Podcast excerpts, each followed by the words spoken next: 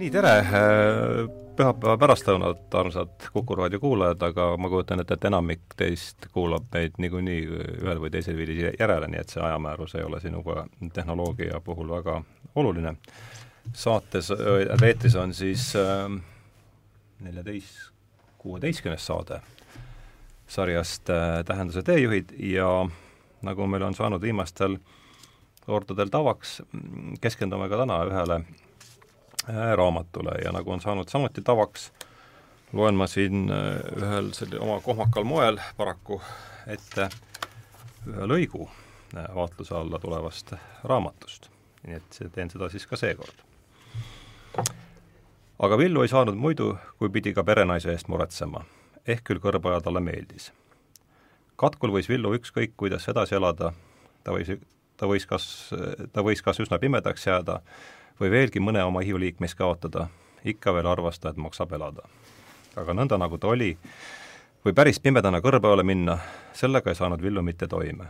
veel enam, Villu kippus kõrba ja pere, Villu kippus kõrba ja perenaisega siin täna pimedas rääkides ise, iseendalt küsima, kas tõesti maksab pimedana vigasena katkulgi elada, kui nii hirmu, kui nii hirmus tahaks mm, -hmm. kui nii hirmus tahaks kõige peale vaatamata minna kõrvajale. no vot, kohve, kohmakusest ei jäänud midagi puudu nagu sai lubatud. aga no vist ei ole kedagi, kes ei, nende nimede peale ei aimanud ära, et juttu tuleb siis äh, Kõrbe peremehest, Tammsaare esikromaanist ja, ja nagu ikka, on mul siis täna äh, eetris või külas kaks äh, saatekülalist, tere tulemast, Kaia Mihkelson! tere! ja Tõnu Õnnepalu! tere! Äh, ma mõtlesin, kuidas seda asja nüüd käima lükata.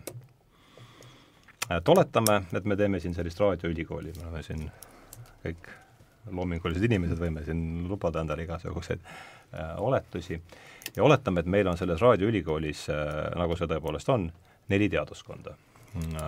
On siis füüsika, muusika, psühholoogia äh, ja mütoloogia, et kuhu me, milline teaduskond meil siis täna eetris on, kui meil sellised parameetrid ees on, et kuhu, millisesse kausta me selle jutuajamise paneme, mis te arvate, Kaia, kus ajame kõigepealt paberid korda, siis saab edasi minna. sobib. mina nüüd ütleksin enda kohta, et kui tegemist on ülikooliga ja teaduskondadega, siis mina kahjuks pean ütlema, et mina oleksin selles ülikoolis kojanaine nii, aga millise, aga millise teaduskonna eest te pühiksite ma, ma e, ja see ei tähenda, et ma vähem sõnakam oleksin aga ma kohe nagu natukene võtan neid, pakun nüüd endal igasugused pealt ära küljest ära. et teaduskonda ma ei oska öelda, see, see võib minna, ütleme, usuteaduskond jäi siit välja, aga minu meelest ta läheks sinnakanti. sellepärast, et kui ma Tammsaarest mõtlen, siis minule on kõige rohkem kuidagi meelde jäänud või, või mõjunud, on üks pisikene lõik, no muidugi ma teen liiga, neid on teisi ka, aga mis mulle praegu selle jutu peale meenus, on, on Tõe ja õiguse teisest osast, kui Indrek räägib kojanaisega, see jalutu Tiina on kardina taga ja ütleb, et Jumalat ei ole.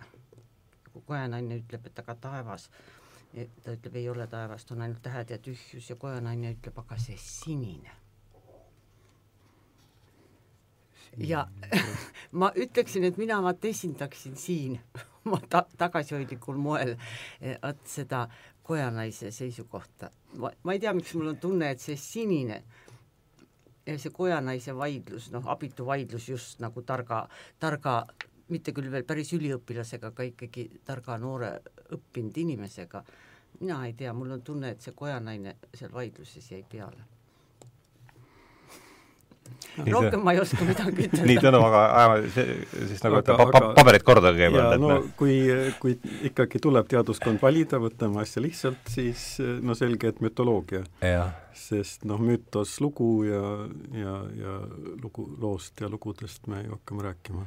just jah, et äh, mulle tundus ka, et see läheb selles mõttes nagu äh, no võib-olla otsapidi, kuigi eks seal on ka kivid on, kivide näol on ka füüsika esindatud füüsika ja on väga esindatud, mitte ainult kivide näol, seal on ju lausa dünamiit mängus ah, ja, ja, ja, ja, ja, ja, ja muusika noh, tegelikult ka, ma, ma ei mõtle ainult lõõtspilli, vaid, vaid noh, me võime alati rääkida raamatust ka muusikalistes terminites.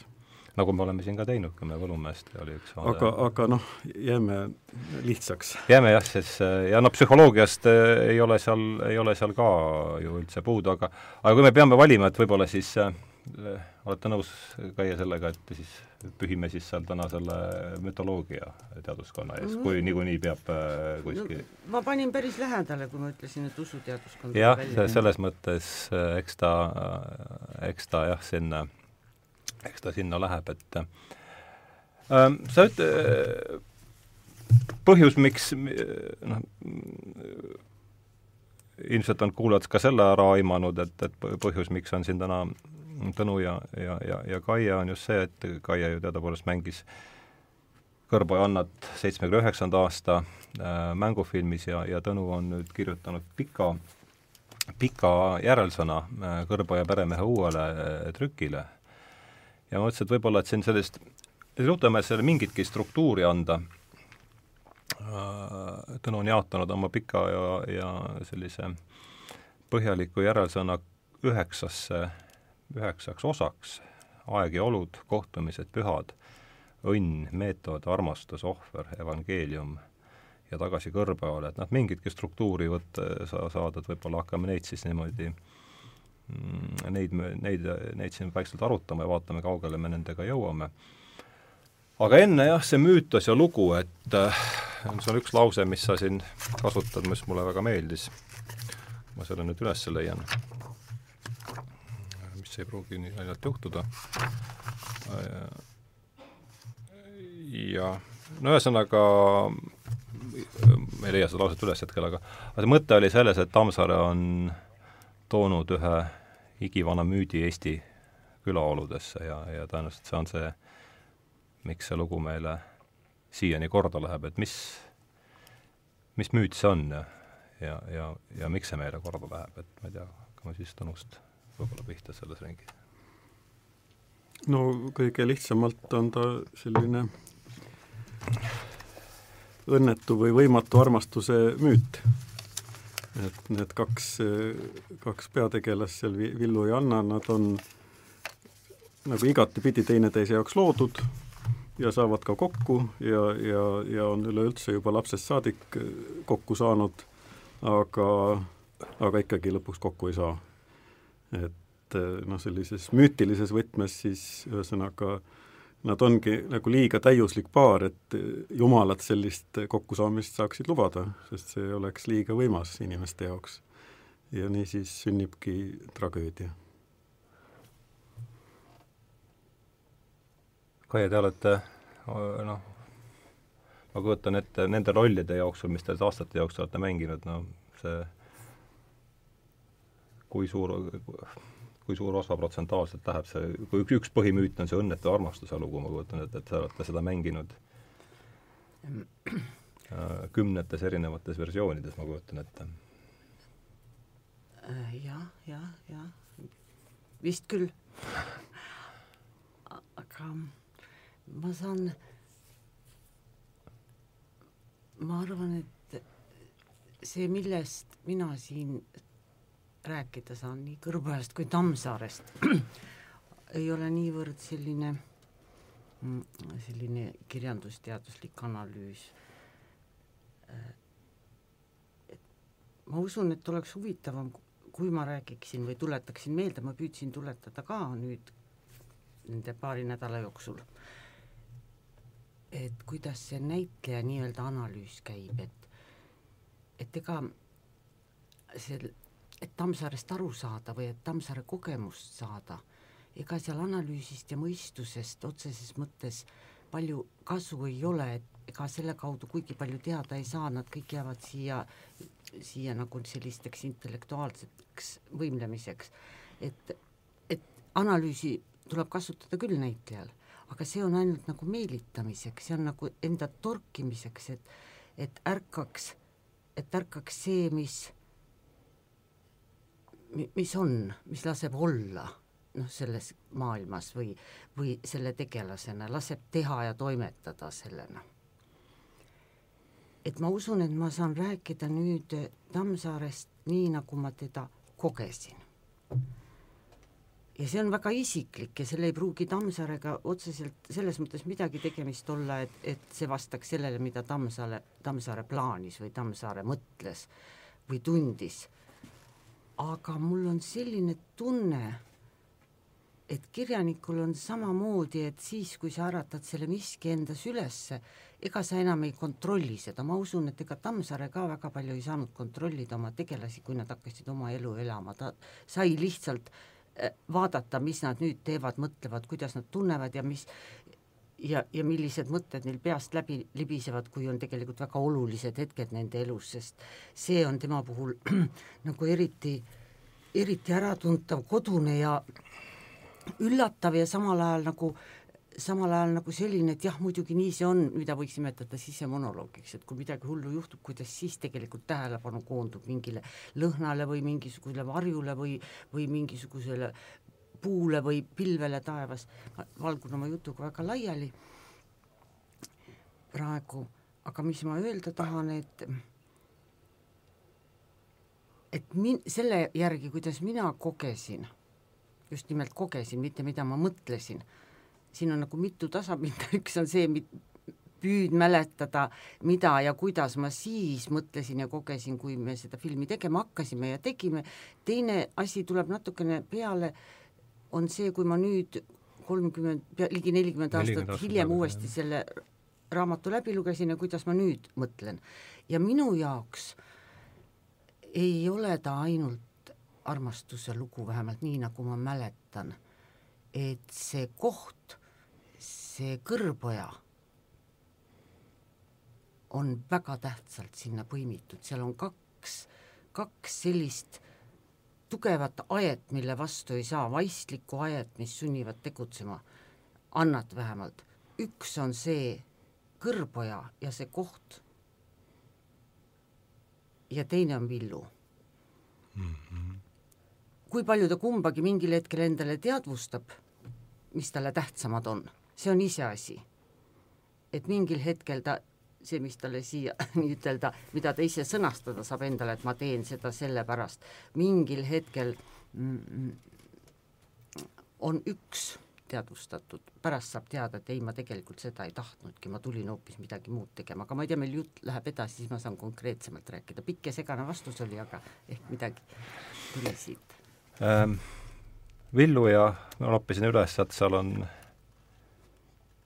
pea, ja ma olen sellega nõus, et, et peale Villu, peale see armastus on seal noh, kuidas me seda armastust defineerime, ka kohaarmastus siis selles mõttes, et kui nüüd kõrboja sisse tuua selle kogu sellesse jaa, jaa, ta muidugi noh, juba esiteks see määratlus, kui ma andsin sellise määratluse, et see on arma-, õnnetu armastuse lugu, et see on ju noh, selge see, et see on ääretult lihtsustav. Ja aga teistpidi noh, miks ka mitte, sest ega siis ühte armastusse loosse ei kuulu ka ainult kaks inimest, seal on igal juhul on kolmas, mis siis noh, reeglina on see nagu vastu, selline vastujõud, sest kui oleks ainult, olekski selline Kross ja Liibe saavad kokku ja õnnelikud see ei ole, lugu ei ole ju, siis ei olegi millestki kirjutada, siis on üks lehekülge läbi. aga, aga ja see vastujõud ongi siin, seda võib nimetada kõrgpojaks, jah. Sümboolselt, aga noh, see hõlmab tegelikult äh, palju asju seal, seda, kogu seda ühiskonda ja aega ja ajad ja olud on ajad ja olud ja päritolu, noh, Hanna suhtes isegi ma ütleksin isa, et seal noh, kui niimoodi psühhoanalüütiliselt läheneda, siis seal on tegelikult mingis mõttes nagu kaks meest Anna elus, on isa ja Villu mm., kes mingis mõttes on väga sarnased tegelikult, kuigi nad on noh, seal sellist vastanditena esinevad või noh, sellist äh, vaenlastena nagu mingis mõttes. aga Oskari, Oskari kohalolu on nagu ka kuidagi siiski tunda, mulle tundub, see on Reino venna siis, eks? jaa, noh, see on kogu see kõrboja kompleks, ütleme nii-öelda jah, see kõrboja rahvas, kes ju tegelikult ei ole üldse kõrboja rahvas, kes on sinna ju tulnud alles, alles hiljaaegu õieti, noh, Anna on küll, Anna, Anna, Anna isegi pole kõrbe ajal sündinud, Anna on seal ainult kasvanud, nii et nii et see kõrboja teema on, on ka selline hästi kahe otsaga, et et minu, noh, minu selline, esiteks see minu, minu lugu seal taga ei ole kindlasti kirjandusteaduslik analüüs, mul selleks puudub juba kvalifikatsioon, et, et pigem kui teda klassifitseerida, siis võiks see olla selline lugejakiri või noh, küll pikk-pikk, niisugune grafomaanist lugejakiri, kes on mitu korda raamatut lugenud ja siis on igasugu mõtteid mõelnud ja tundmusi tundnud ja siis kuidagi püüab, püüab nendest äh, aru saada. et äh,, et jah ma hakkaksin sellest kohast kinni, et palju sellest on nüüd möödunud nelikümmend aastat peaaegu, järgmine aasta saab siis, te tegite ühe suvega selle asja? Valmis, et et ma ei tea, kas, kas koht hakkas, hakkas kõnelema seal ka kuidagi või, või kuidas ta seda koha, oligi, oligi nii, jah? vägagi. kus te filmisite seda üldse, et see me filmisime seda sealsamas Kõrvemaal ja, ja, ja Paukjärve ääres ja sealt Paukjärvest oligi siis nii-ütelda see, mis pidi Kõrboja talu olema, selle talu nii-ütelda võsas mingid, mingid väiksed aimdused noh, isegi mitte varemed, aga noh, oli nagu ikka on näha need vanad talukohad, kus on mõned talulilled ja mõni põõsas ja puu, et see ei olnud kuigi kaugel sealt järvest. see siis oli, mina võin nüüd eksida, aga see oli vist siis Tammsaare vennatalu, mis seal oli seal, eks. Ja, ja, ja Katkut me filmisime minu meelest päris seal, kus see Katku talu oligi. see oli nagu säilinud. jah siin ma pean parandama sind. me läksime sinuga ükskord vaidlema, sellepärast ja, et, et ma mina tean mäletada. kahjuks väga täpselt, kus seda filmiti ja. ja see on täiesti teises kohas. ta on ka Kõrvemaal, aga ta on sellest sellest, sellest Paukjärvest ja sellest nii-öelda, sellest inspiratsioonipaigast oma paarkümmend kilomeetrit ja. eemal ja. ja tal ei ole nagu otsest mingit pistmist, lihtsalt see on üks talu seal mm -hmm. jõe kalda peal ja, ja, ja, ja, ja selle, selle Krani on selle koha nimi, see on Jänijõe ääres. kuna ma koolipoisina seal juba käisin mm -hmm. ja ma mäletan, kui need noh, need nii-öelda need vale, vale katkuhooned mm -hmm. sinna ehitati, millest mm -hmm. midagi on isegi alles siiamaani ja, ja midagi, midagi oli täiesti kas see vale katkuhooned siis ehitati valmis nagu tühja? midagi sinna ehitati juurde, seal on, on vanad, vanad taluhooned on olemas mulle, ja siis sinna midagi mulle tundus sealt vaadates, et kelder, keldris oli natukene kelder, kelder papi, oli, oli papis täiesti, eks ole, jah, jah, jah. aga sul on õigus, me filmisime teises kohas, aga see katku ja ma nüüd ei mäleta, kas katkust ka ei olnud midagi alles, et see katku oli, oli nagu ma mäletan täpselt, kus ta keeras sinna katkulee aga mm -hmm. ilmselt mul aastatega siis midagi mm -hmm. ühendus valesti, et sinna, kus me keerasime, kus oli Katku talu mitte väga kaugel sealt kõrvujast mm, -hmm. et me käisime seda kohta lihtsalt vaatamas, aga filmisime ilmselt jah, siis mujal. aga nüüd, mis sellest kohast rääkida äh,, siin on nagu kaks asja, kaks asja, mis ma tahaksin öelda, üks asi on nagu jälle, me ei räägi siin tegelikult minu filmi tegemise mälestusi aga no siiski, siiski. aga aga kui rääkida äh, Tammsaarest arusaamisest või õigemini sellest, et mida see mulle Tammsaare mõistmiseks andis, see sinna sisseminek või filmi tegemine on kummalisel kombel, mille võiks kokku võtta niimoodi, et see maastik, kus me elame ja liigume, et meie iseloom on selle maastiku nägu me käitume nii, nagu see loodus, mille keskel me elame. et see hakkab meie olemist ja, ja, ja meie, meie iseloomu, karakterit nii mõjutama, et sinna võib võrdusmärgi panna, et minul Annast arusaamine või stseenidest arusaamine ja jälle mitte, mitte siit, et ma siin teen mõistusega järeldusi, sest noh, niimoodi ei saa, niimoodi ei saa olla ja, ja tegutseda et see tuli, see tuli selle koha kaudu. selle järve kaudu, see oos, mille pealt saab rabale vaadata, see hakkas määrama ja siis ei, enam palju ise kontrollida ei saa mm.. siis, siis ei ole nii, et ma mõtlen mingid käigud välja või mingid asjad, vaid siis ta hakkabki toimima. et see on nagu üks minu, minu selline takkajärele analüüs Tammsaarest, mida ma ise kogesin mm. -hmm. et siin jah, noh, tuleb muidugi meeles pidada, et, et ei seda Katkut ega Kõrbojat ei ole ju olemas ega ole kunagi olemas olnud. et nad tegelikult on ikkagi ainult raamatus. et sellist päris, päris selliseid, isegi kui on sellenimelised kohad, noh, võimalik, et ta võttis need kohanimed ju kuskilt, nagu ta võttis ka konkreetsusest, aga aga ja. nii, nagu seda Kõrboja talu kirjeldatakse, see, see on ikkagi täiesti tõstetud nagu kaks asja kokku et sellist poolmõisa, nagu seal juttu on, sellist seal metsas muidugi polnud, seal olid väikesed metsatalud -hmm. et, et noh, nagu kirjanik ikka, ta on pannud äh, reaalsusest, võtnud eri kohtadest ja eri mm -hmm. aegadest asju ja pannud, tõstnud neid kokku, et et, et selles mõttes oli hästi huvitav kuulata just, Kaie, sinu juttu, et kuidas sa näitlejana äh, nagu sellest, sellest loodusest ja reaalsusest seal panid seda, annad kokku, et noh, ongi vaja mingit konkreetsust. ega ma ei pannud kokku. või noh, mitte selles no, mõttes, et ta, see oli see, see oli see, mis, mi-, mis tuli, tuli mm -hmm. ja rääkis ja õpetas, aga muidugi see Kõrboja talu minu jaoks äh, nagu on olemas mm. -hmm. No, ma olen just, sinule rääkinud. just, just, et et et aga muidugi ei ole konkreetset olemas, muidugi on, ei ole täpselt seda talu ja ei ole täpselt sellisena, aga raba on mm, -hmm. oos on, järv on oma vaikusega ja, ja minu jaoks tähendas see ühte teekonda sinna ja sealtkaudu iseenda sisse, sest mina ei ole, mina olen mere ääre inimene. kust te olete pärit? kuidas? kust te olete pärit? mina olen Pärnus sündinud ja kasvanud Pärnu lähedal mere ääres, praktiliselt meres kasvanud. et minu jaoks tähendas see ikkagi ühte teekonda Annani ja see imbus minusse nendes kohtades, ma pidin seda tundma õppima ja selle kaudu annad sa iseennast. sest mereääre inimene on teistsugune mm,. jah, see on päris kindel, jah. Äh, see, see on kergem ja, ja see mm. avarus mm. mere ääres on hoopis teistsugune, aga see, mis see jõud, mis Annas on ja see, mis on selles laugastes ja rabas ja selles vaikuses ja kuumuses ja selles vaikuses seisvas järves ja nendes puudes, no see on midagi muud.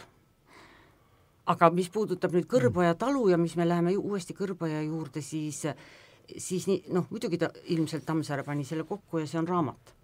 aga minu jaoks pidi ta tulema mõneks ajaks nüüd, nüüd usutav elu. ja miks ma seda üldse tegema hakkasin või tahtsin, oli sellepärast, et umbes kolmveerand aastat enne, kui, või isegi pool aastat enne, kui selle jutuga Leida minu juurde tuli, oli mul selline juhus, Tõnule ma olen sellest rääkinud, me hulkusime Sulev Luigiga mööda Hiiumaad, otsisime mahajäetud talusid teadlikult, läksime hoovide peale, kus inimesed elasid ja tegime juttu ja küsisime ja siis me lägi, läksime risti läbi Hiiumaa ja siis Äh, see oli nagu kummituslinn, me sattusime umbes kella viie-kuue vahel äh, mitte peateed mööda, vaid nagu äärt mööda ühe talu õue, mis oli nagu karjamõis mm., nagu suur. ta seisis seal vaikselt, seal oli kõik olemas seal olid talud sea- või seal oli elumaja, seal olid aidad, seal oli veski, seal oli allee, mis tuli talu juurde, ainult üks kuur oli sisse langenud. ja ta seisis kummalises vaikuses, selline tunne nagu kumises mm. -hmm. aga kuna mina kas see oli nüüd enne Kõrbajat või jah, see oli pool aastat enne Kõrbajat. ja kuna, ja me käisime seal ja me oleksime nagu jõudnud Eestisse vot see tunne, mis oli seda nähes ja ma olen nagu väga valuliselt kogu aeg võtnud seda, ma olen nagu selle, seda, seda Eestist ilmajäämist ja seda okupatsiooniaega väga noorelt juba. et siis järsku ta oli seal olemas ja see, see tunne, mis tekkis, see sügav kokkukuuluvus ja sellest ilmajäämine ja see, ja samas, et, et ta nii võimsalt oli, et see oli midagi sellist, mis, mis sellel hetkel jäi minusse. muidugi siin on kaks asja, see on, pikalt räägin, et on kaks asja selle, selle Eestiga, kui me paneme võrdusmärgi Kõrboja ja Eesti vahele, et kummalisel kombel siis, kui ma sinna sattusin, et siis oli veel, ma elasin veel eh, sellises teadmises, noh, eh, vanaemade ja emade räägitud jutud, kuidas siis elu oli ja veel ka nende kolhoosiaegsetes taludes minu vanaema juures maal ikkagi veel mingil kombel selle, selline elulaad kestis, noh, kuigi olid maad väikesed ja oli ainult üks lehm ja üks vasikas ja lambad ja kanad ja peeti ühte siga, aga selline suhtumine töösse ja maasse oli veel olemas. ja, ja mul oli selline tunne, et, et see on olemas veel tegelikult, ainult need õudsed punased plagud on selle enda alla matnud, see partei on meie mõistus ja südametunnistus ja nii edasi, et kui need ära rebida, siis, siis meil on ta olemas. kui ma nüüd seda teeksin, siis see on nüüd ainult nüüd, nüüd vaadates kõrvpojale ja mis ta tähendab, siis see on ikka üks selline kauge muinasjutt, seda enam ei ole, aga tollal oli mm, oli veel ja, alles, ja minu jaoks oli veel alles, oli tarvis ainult teha üks mis tundus küll lootusetu, seda, seda valulisem või nostalgilisem oli, aga see tunne oli võimas. Ja kui minu juurde tuldi selle filmi jutuga, siis minu jaoks näitlejana see, millele toetuda, et ma selle vastu võtsin, oli Kõrboja sest sisuliselt selline võis olla see Kõrboja karjamõis, nagu oli Hiiumaal see talu, nüüd ütle, kas see oli Selja või Välja? see oli Aru Selja. Aru Selja, mingi Selja oli, Aru puhtalt, Selja. noh, seda see on nüüd see Hiiumaa äh, koht või? jaa, Hiiumaa koht ja mina tean seda väga hästi, see on seal jah, metsade keskel ja, ja see on väga kus kandis? see on keset Hiiumaad, ütleme, kui panna sõrm äh, kaardi peal keset Hiiumaad, siis ta jääb sinna alla. suvel Hiiumaale siis võiks täitsa ta on aga on... mitte see no,. ma käisin seda otsimas siis, kui juba vabariik oli tagasi ja siis oli no, midagi mis, miski pole enam see, jah ja. mis selle koha nimi on, ütle palun? Aru, Aruselja. Aruselja, et noh, isegi see nimi on ju väga sarnane, Aruselja, Kõrboja, selline noh, selline, selline ka mingis mõttes nagu mütoloogiline või arhetüüpne nimi ja, ja see, see Aruselja koht tegelikult ikkagi siiamaani võib-olla sa ei leidnud seda enam üles. ta on midagi sellist müütilist on seal siiski mm -hmm. veel, just, just see asukoht on väga keset metsi, seal ei ole lähedal teisi talusid ega küladest rääkimata ja ja kõik see niisugune noh, nagu selline omaette maailm täiesti, mis on seal elavad inimesed sees siis? seal nagu noh, pool, pool elavad ikka sees jah no,. suvekodud no, nagu pigem, pigem jah. no see oligi kõige aga, aga minu... tegelikult need põliselanike järeltulijad elavad mm -hmm. seal, nii et noh. aga nad on suveti seal? jah, ega nad seal kogu aeg ei ole jah ja. ja, ja kummaline on see, et ma läksin ükskord ühele inimesele seda näitama ja ma leidsin üles, et ta oli samasugune äh, aga jah, müütiline koht, jah mm. -hmm. et see oli see, see kõrboja, millele te siis jah, seda ma ütlen, et, et, et ma teadsin, milline on kõrboja mm. -hmm. ja ma teadsin, tähendab, see tunne, et ta on olemas ja et ta on peremeheta. Et see, see oli yeah. mul olemas, kui ma võtsin selle filmi vastu, et see, et me tegime kuskil Valgemäe, Valgejõel mingisuguses talus filmi ja see kõik ei, noh, see kõik on nagu ta on, aga see see unistus, see igatsus Eestimaa järele, mis seal oli selles ja selle võimalikkusesse, milline üks talu, mis on no ühesõnaga seal, seal on, ta oli nagu kuningriik väike, seal oli kõik olemas. Mhm, jah, seitsekümmend üheksa oli võrdlemisi sünge, sünge aeg, ega midagi ei midagi ei viidanud sellele, et kümne aasta ei, pärast hakkab, on asjad hoopis teistmoodi seal, ma kujutan ette, ei paistnud mingit nagu valgust vist. aga ega seda, see ei võta ära seda, mis meil sees on, seda, seda oma Eestimaa taju ja igatsust mm. -hmm.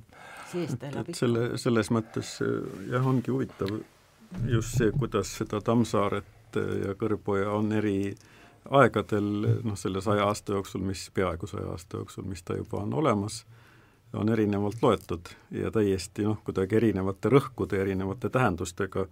Ja noh, see on, no ühtepidi see ongi huvitav ja teistpidi see on ka natuke koormav, et et kuna see Tammsaare on olnud nii keskne kirjanik meil ja ta on selles mõttes ka noh, noh mingis mõttes võib, võib öelda, et tal kirjanikuna, just nimelt kirjanikuna, autorina vedas, et ta suri ära väga õigel hetkel et ta ei kõlab väga karmilt. no ma räägin ja. nagu noh, autorist, et noh, kui ta oleks elanud need aastad üle, läinud näiteks, näiteks Rootsi, ütleme mm, -hmm. või mitte läinud, igal juhul see tema kirjanduslik saatus oleks kujunenud teistsuguseks, aga nüüd kuidagi läks niimoodi, et, et teda ju trükiti ja loeti praktiliselt ilma vaheta. et tal ei ole tekkinud sellist, sellist vahet ja, ja ja kuna ta oli sellel Nõukogude ajal niisugune noh, mingis mõttes nagu ainuke suur Eesti kirjanik, keda igati ametlikult loeti ja õpetati koolis, siis ta kasvas veelgi suuremaks tänu sellele inimeste teadvusele, et noh, kõik on teda lugenud, kõik need koolilaste põlvkonnad ja ja siis, siis ka need film ja kõik need asjad, et et siin on taga juba terve niisugune Tammsaare lugemise ajalugu ja ja, ja kindlasti teda praegu, noh, praegu ongi teistmoodi lugeda, kui oli neljakümne aasta eest. Need on mingid mhm. hoopis teised, teised rõhud tekivad või et, et ma, mina mäletan ka sellest noh, umbes sellest ajast seda lugemist, et siis, siis ka minu jaoks kuidagi see, see koht ja see talu ja see kõik oli nagu tähtsam. ja kui ma seda nüüd nagu viimast, viimati lugesin, siis, siis just, just ma hakkasin rohkem nägema seal seda inimeste lugu, et kuidagi see, see, see kõrboja ja koha lugu noh, muidugi see on seal tähtis, aga, aga see ei olnud enam nii, nii valdav, et mingis mõttes ja noh, võib-olla ka tänu sellele, et kui me noh, nüüd ongi nii, et seda kõrboja ju enam pole maa peal, mingisugust mm -hmm. kõrboja pole. et, et siis, siis, siis ta mingis mõttes ta tundub nagu asjatu unistusena seal. noh, eriti kui me vaatame selle, selle noore villu perspektiivist, kes, kes siis, kellest peab siis tulema kõrboja peremees ja kui me paneme selle tegelikku ajalukku, siis, siis me saame näha, et et temast ei saanudki kunagi tulla kõrboja peremeest, sest kõrboja enne. No näiteks Austraaliasse või no mis iganes või, või Siberisse, eks ole. et mis temast saada võis, aga igal juhul sellest kõrpojast tema jaoks õieti midagi ei tulnud, et jäi, jäi, kui siis jäi selline ilus lapsepõlvemälestus, et et lõpuks lõpuks, mis, mis seal ikkagi kõige ajatum kuidagi on, on see, on see, on see inimeste lugu, aga mis muidugi toimub kuskil ja, ja kus üks, üks, üks nagu tegelane, nagu Tammsaarel üldse on tihtipeale, üks tegelane ongi see koht või maa või, või talu või jah. Siin noh, Kaie jutus käis, et Anna jaoks ja see on, no, ma ütlesin, ma olen sada protsenti nõus, et Anna jaoks on see kaks tegelast, et on äh, on siis Villu ja, ja Kõrboja. Kõrboja vastandub, et me võib-olla, kui ma siin ette lugesin, see, kuidas sa oled seal liigendanud selle järelsõna, et aeg ja olud, et me peaks ilmselt rääkima, kui me räägime Kõrvapääst, me peaks rääkima ka katkust, et mis, kuidas nad nagu mängivad teineteise vastu natuke, et mis, mis kujutluspildid teil ka, Kaie, noh, ka ütleme siin Kõrboja oli nagu Aruselja ja see, see Karjamõis seal, et kas on, kas tuleb katkuga ka mingi selline no, pilt ette, mis on katkuga... siis, mingi kivi, millele toetuda? katkuga on üks selline kummaline lugu, et katku minu jaoks on Kivimägi. tähendab, katku on Villu, seda ütleme minu või Anna jaoks, et Katku, Katku, mis selle peremehe nimi oligi, Katku, minu isa nimi oli Rein, aga kas oh, Villu ükskõik mul ei tule Villu isa nimi meelde. mis, mis ta nimi oli? Jüri? oli Jüri. vist oli Jüri, jah. ühesõnaga, et see Katku, kus peremeheks oli siis Villu isa, sellel ei olnud Anna jaoks mitte kõige vähematki tähtsust. noh, see ei seostunud ei Villuga, ei mitte millegiga noh, neid, neid oli palju seal ümber, selliseid talusid. aga katku oli Kivimägi.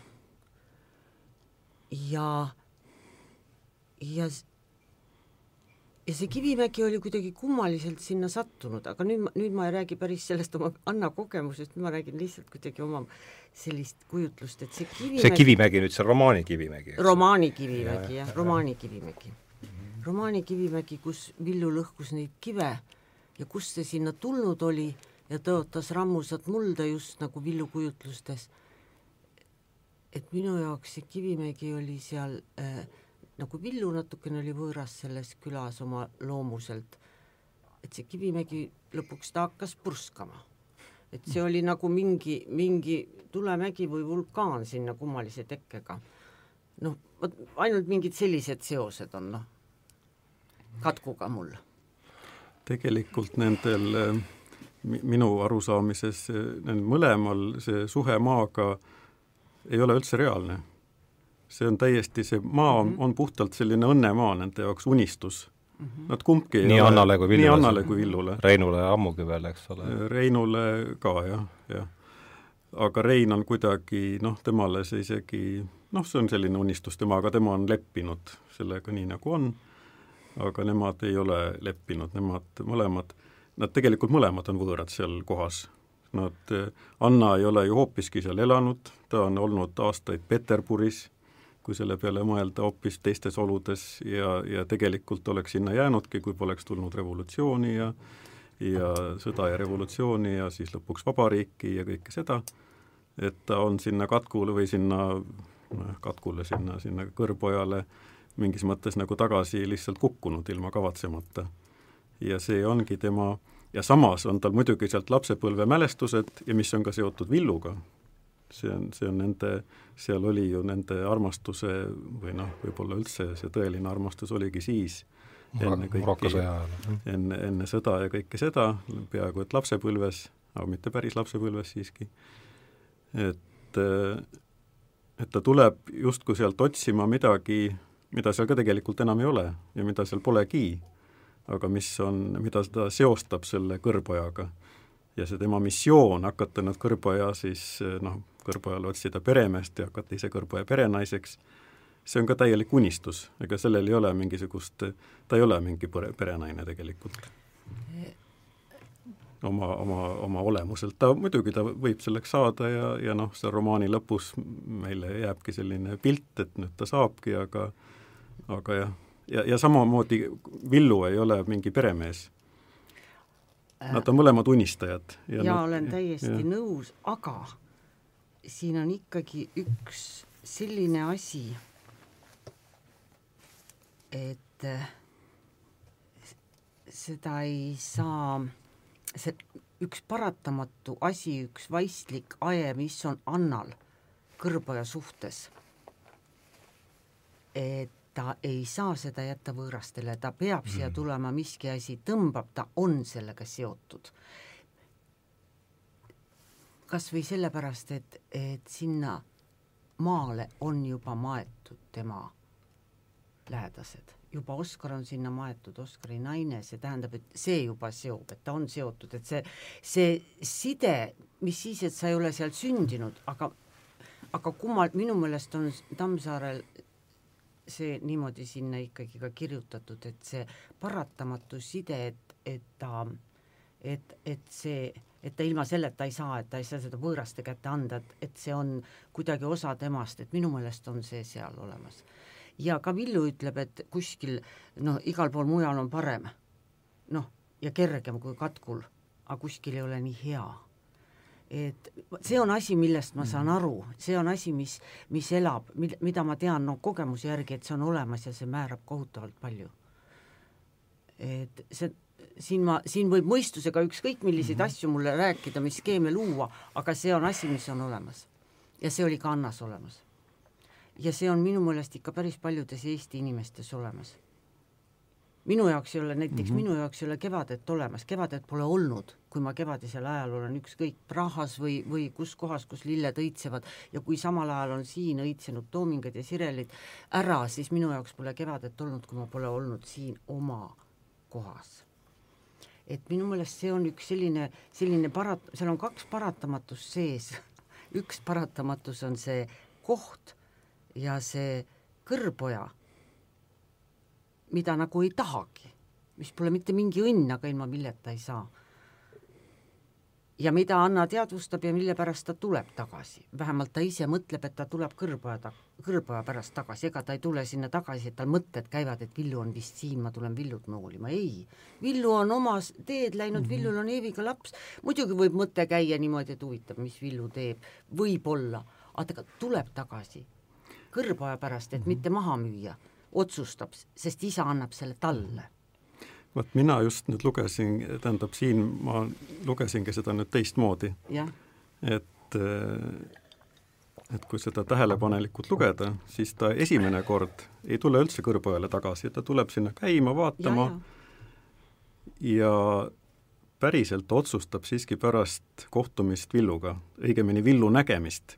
ta näeb, et Villu on seal, ta näeb teda üle järve ja ühesõnaga neil on ja muidugi Villu ka, ühesõnaga seal toimub mingisugune selline noh, Tammsaarel on see just väga, väga osavalt kirjutatud, väga lühidalt, seal ei olegi nagu midagi, aga, aga mingisugune plõks toimub.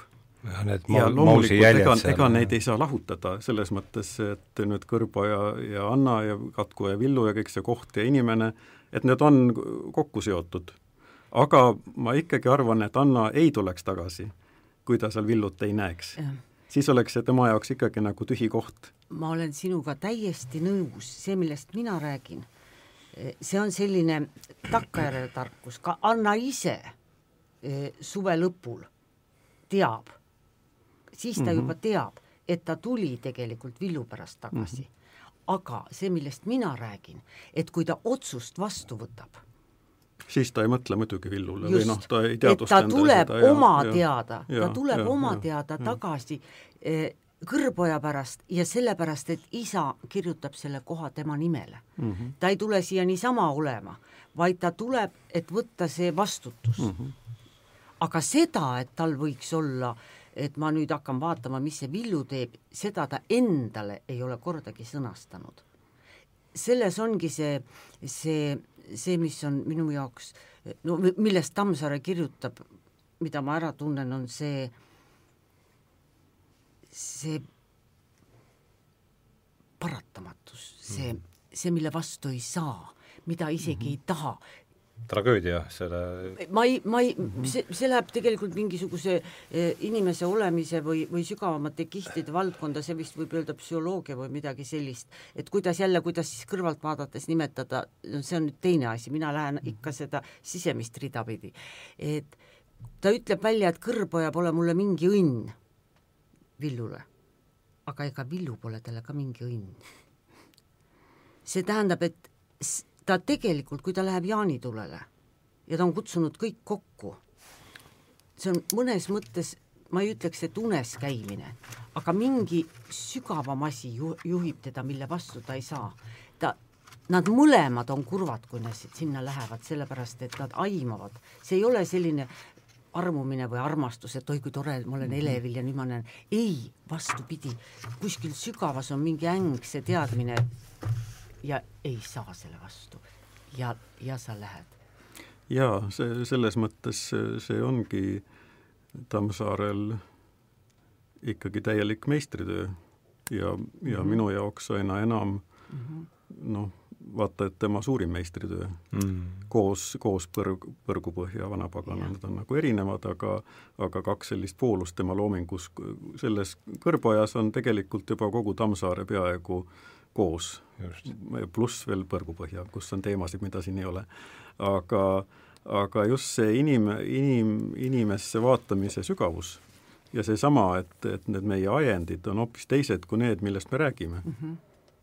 et seal, siin, siin kogu aeg räägitakse asjast mööda, aga tegutsetakse mingisugust kindlat sellist äh, mingi kindla jõu sunnil mm -hmm. ja, ja, ja paratamatult. no see ongi niisugune ehtne Kreeka tragöödia, eks, et sa jumalad on, hoiavad sind peos ja sul sunnivad et, minema sinna, kus sa muidugi mingit õnne ei ole seal kummaltki, kummalgi ju kuidagimoodi loota.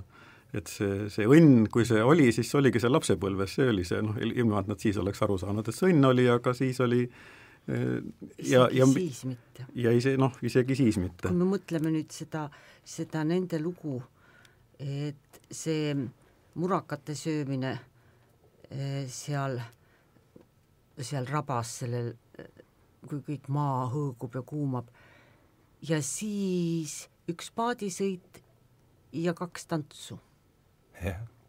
kõik mm. -hmm noh, lapsepõlves see lugu muidugi oli pikem, ega nad seal ainult ükskord murakaid söönud, siis nad ikka jooksid koos. ja, ja, ja, ja, ja, ja, muidugi. aga, aga muidugi. see, mis toimub selle kõrba ja peremehe vahetu tegevuse ajal, seal peaaegu ei toimugi midagi. paadisõit ja kaks tantsu, jah? täpselt nii, nagu Kaie ütles, jah mm. -hmm. ja pluss siis lõpuks see kurblik vestlus seal peaaegu noh, sügisel tegelikult juba, seal Kõrboja aia ääres millega no, siis asi lõpeb. sellepärast, et Anna on nagu kurjast vaimust vaevatud aga ta ei saa ise selle vastu. ta ei saa selle vastu, jah, jah. ja kui lõpuks ja see on ma mäletan seda, et ega, ega siis ei olnud enam midagi mõtelda ega arutada, siis lihtsalt asi hakkas noh, võisid ainult ennast kõrvalt vaadata, kuidas see toimus, noh, see arusaamine, nii paljukest, kui teda siis, siis ka sinna filmile jäi, aga aga see, kui Villu on ennast maha lasknud, et siis see kummaline koht, kuhu Anna siis satub, ma sise, sisemiselt ma mõtlen, mille kohta võiks öelda, on rahu hmm.. et see, seal ei kordagi, kordagi eh, ma praegu hakkan mõtlema, et kui palju sealt sõna armastus, seda sõna seda on seal väga vähe. ei kui, kasutata üldse, vähemalt, vähemalt jah. nemad mm -hmm. ise endast mõeldes ja Villust mõeldes ei, ei kasuta seda ei. kordagi. see on mm. midagi suuremat.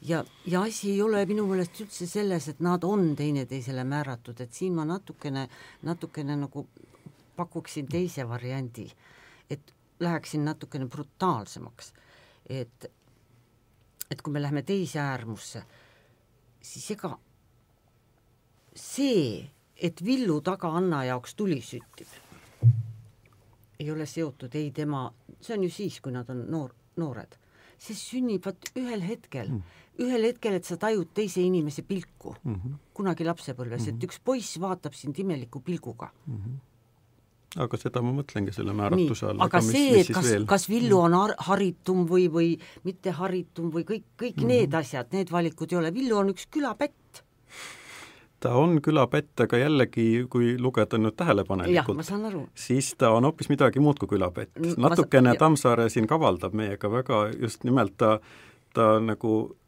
näitab meile seda villut pisut läbi niisuguse külarahva pilgu, et noh, ta, ta tõesti on üks külapätt, aga millegipärast Anna ei vaata ühtegi teist külapätti ja isegi noh, kui me ja. loeme, siis tuleb välja, et need teised külapätid on siiski hoopis teine tõug et see ei tule üldse kõne allagi, et ta kedagi neist, keegi neist võiks teda huvitada. et Villus on, on midagi muud. peale selle, et ta on mm. külapätt, on temas noh, ta on ka koolis käinud, mis, mis tuleb seal välja mingis ja, paaris lauses. enam ei määra midagi, et ta on koolis käinud, sest aga asi juhtus siis, siis, kui nad olid nelja-viieteist aastased. pigem on see koolis käimine, ma arvan, ka tagajärg, et ta ongi ikkagi teistsugune poiss algusest peale olnud. ja, ja, ja, noh, nende see esmane kohtumine oli seal Katku rehetares ju pimedas kuskil, Villu vaatas sealt põlevate mhm. silmadega välja mm -hmm. ja, ja, ja, ja siis nad noh, ühesõnaga no, tundsid kuidagi teineteist ära. seda ei saa seletada, see lihtsalt, see lihtsalt niimoodi on ja selle vastu ei saa ja see ja ei saagi. tegelikult see, see, kus maale Anna välja läheb, selles, selles ära ta oleks nagu ära sõnatud, ära tehtud ja selle vastu ei saa, see, see, et ta no see on, võiks öelda, et inimene alandab ennast lõputult mm, -hmm. kui ta palub, tule kas või, kui tal mm -hmm. oleks veel kaks kätt ja jalga otsast mm -hmm. ära sellel villul, kui ta oleks, Anna ikka tahaks teda, see mm, -hmm. see juba on noh mm, -hmm. see juba on midagi kurjast mm. -hmm. Ja. sest ta ei hooli, ega ta, ja kusjuures ega Anna ei arva, et ta kellelegi halba teeb mm. -hmm ta ei arva, et ta Eevi suhtes midagi, tal ei tule selle pealegi mm.. No aga millal me kunagi mõtleme ja. nüüd nii väga teiste peale, kui me ja. oma õnne taga ajame, eks Eevi tead, küll Eevi ise vaatab, kuidas ta saab. see lihtsalt ei, tule meeldegi. jaa, ja tal ei ole midagi, tal ei ole ka armukadedust, sest see on nii ilmselge, see on nii ainuvõimalik mm. -hmm. et selle üle ei ole vaja isegi mõtelda. sa lihtsalt jah. allud ja. sellele ja sa toimetad aga see ongi, mida ma selle määratuse all mõtlen mm, -hmm. mitte, mitte see, et nad sobivad, no ja. mingis mõttes, et nad on, ega see ei olegi määratus, määratus mm -hmm. ongi see, kui noh, nad lüüakse kokku nii-öelda mm -hmm. klõpsti ja, ja neil ei ole enam midagi teha. Nad ei, noh, mingis mõttes nad üldse ei sobi.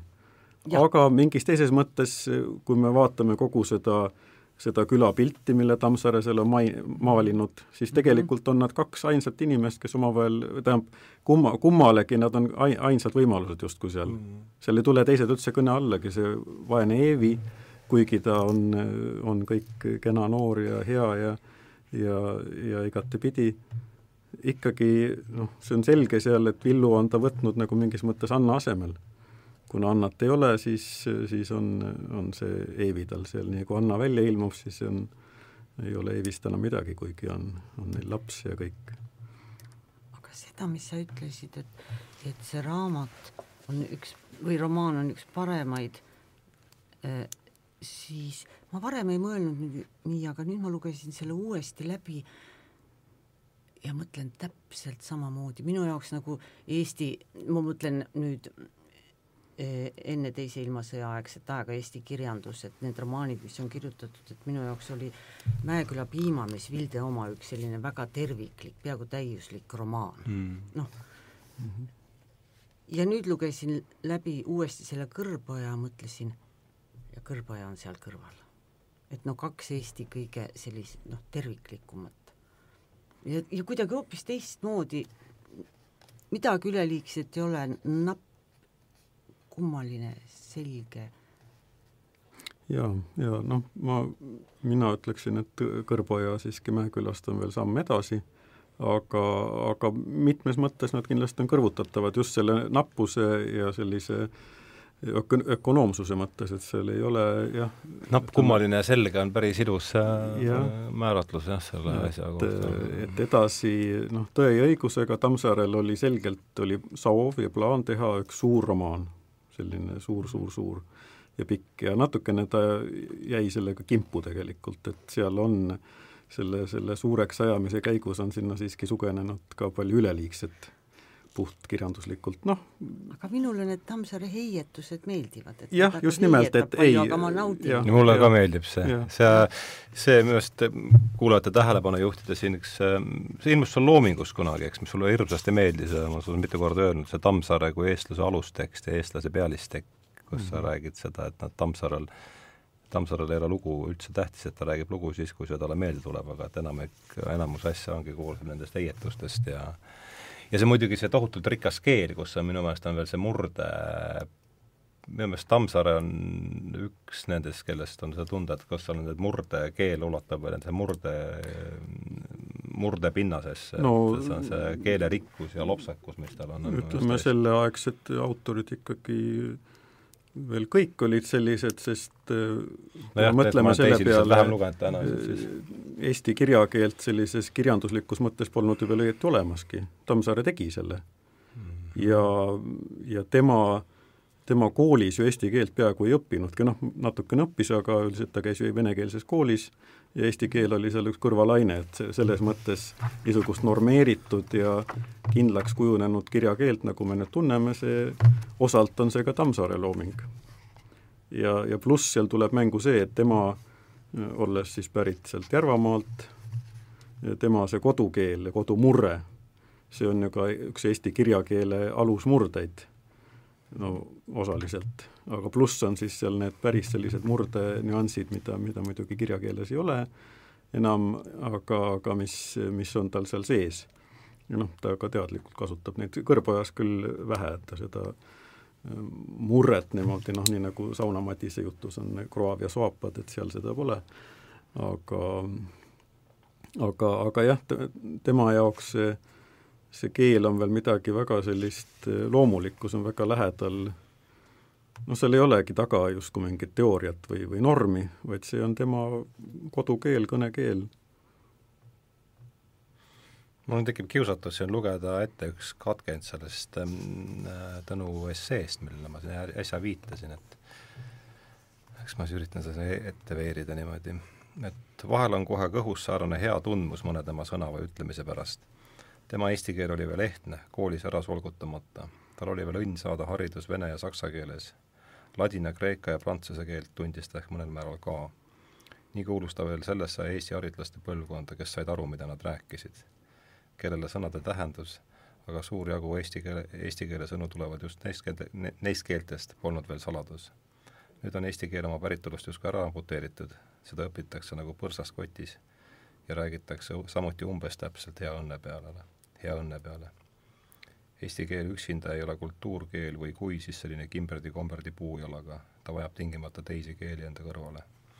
ma arvan, et see on jah, ühest poolest see, see võõrkeelte, side võõrkeeltega, samas selle oma selle murdepinnasega, see on minu meelest on üks tema sellise noh, nüüd tuli kirjandusteadlane välja siin, aga jaa, aga see ka viitab jällegi millelegi Tammsaare puhul millest äh, on võib-olla natuke mööda vaadatud, ei ole nii palju räägitud, et noh, temast on tulnud väga selline noh, rahvuslik autor või ütleme, niisugune kõik see maa ja Eesti ja millest siin juba juttu oli, aga aga noh, ta ikkagi tahtis kindlasti olla Euroopa kirjanik ja nagu me teame, ta ju äh, tegi ka suuri jõupingutusi, maksis tõlkijatele, et tema teosed tõlgitaks saksa keelde ja midagi, midagi. aa, tegi ja seda ma ei teadnud. jaa, ja, ja talle oli see väga tähtis ja ja noh, ta asetub kindlasti oma aja sellisesse Euroopa kirjandusse ja ja just jällegi see Kõrboja peremees kuidagi on noh, võiks olla täiesti tähtteos selle, selle, selles ajajärgus.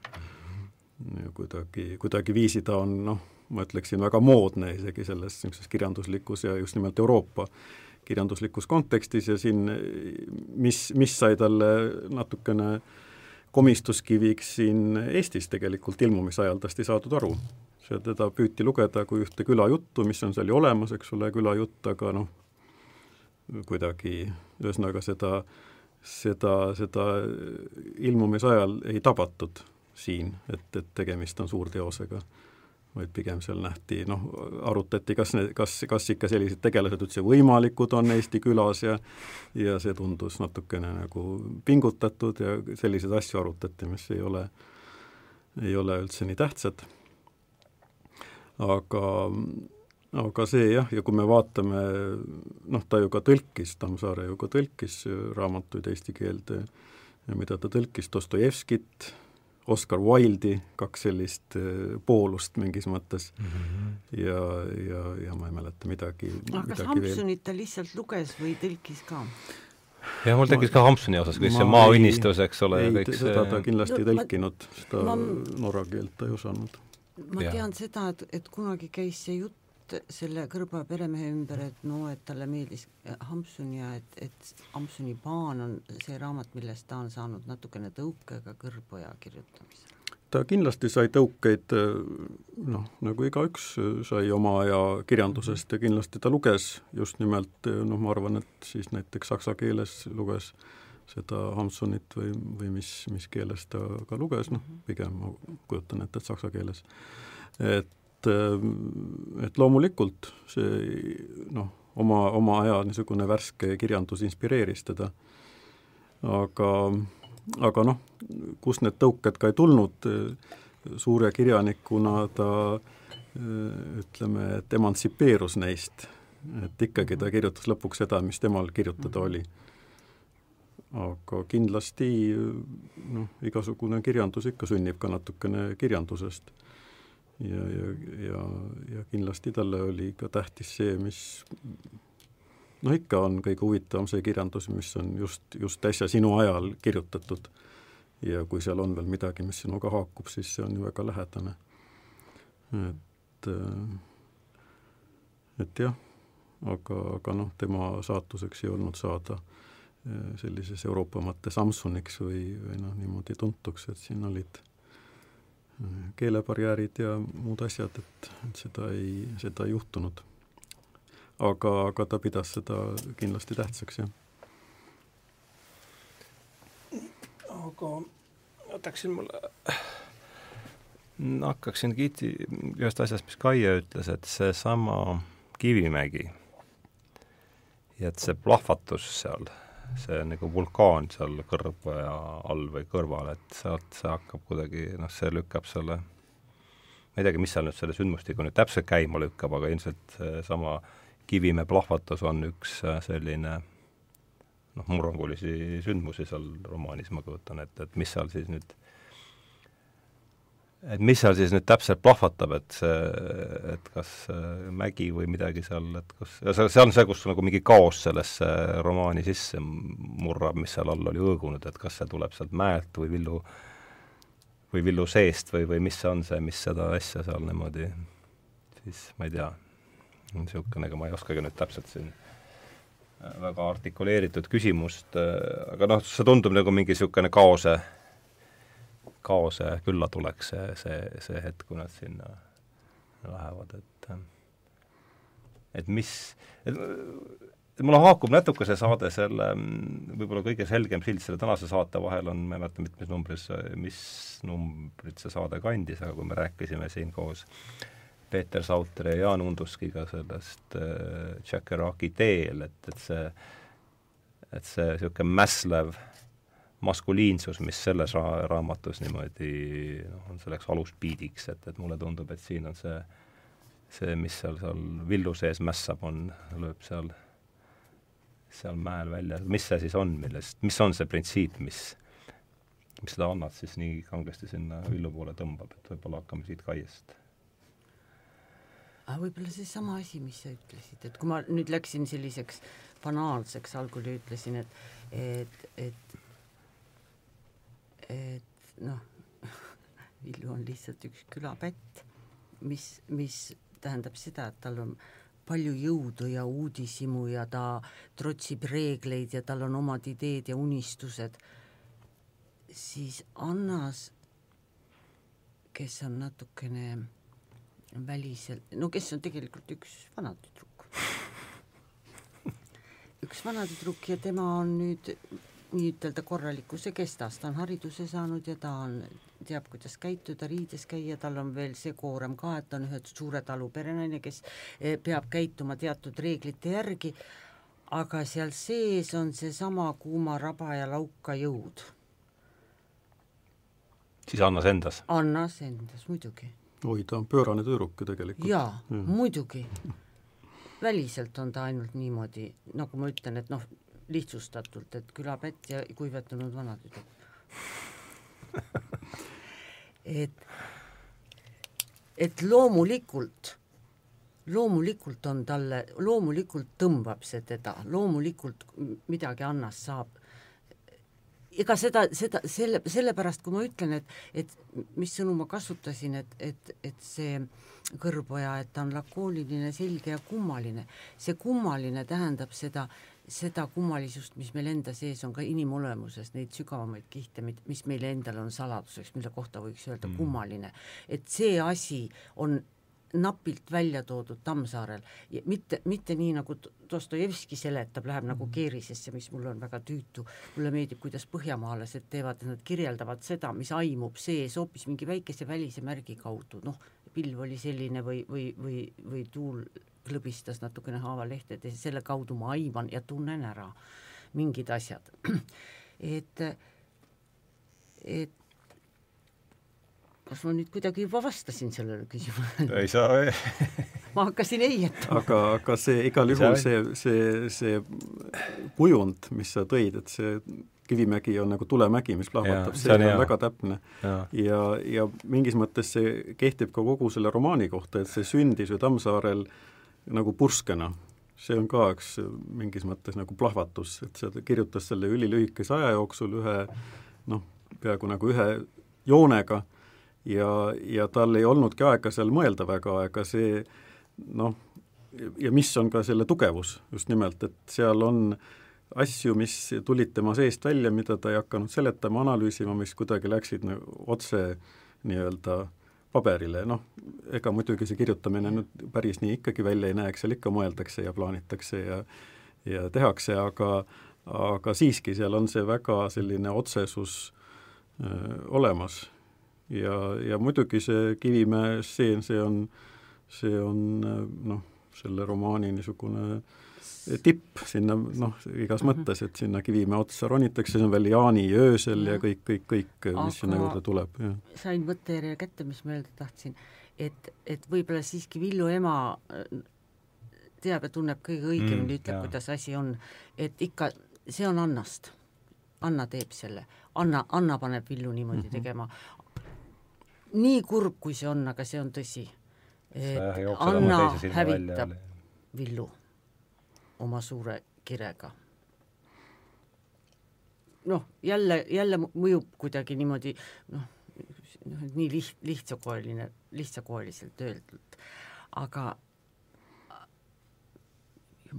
vastupidist tahtes, mingit õnne tahtes, mingi nagu ma ütlen, et inimese selja taga läheb üks, süntib üks, üks tuli, ütleme helesinine, mis tõotab midagi, noh, mingi, mille, mille kaudu üks igatsus noh, saab, saab mm -hmm. tõeks ja sa ei saa selle vastu, sa lähed läbi selle inimese selle tule poole mm. -hmm. vot kuidagi niimoodi ma seletaks kujundlikult.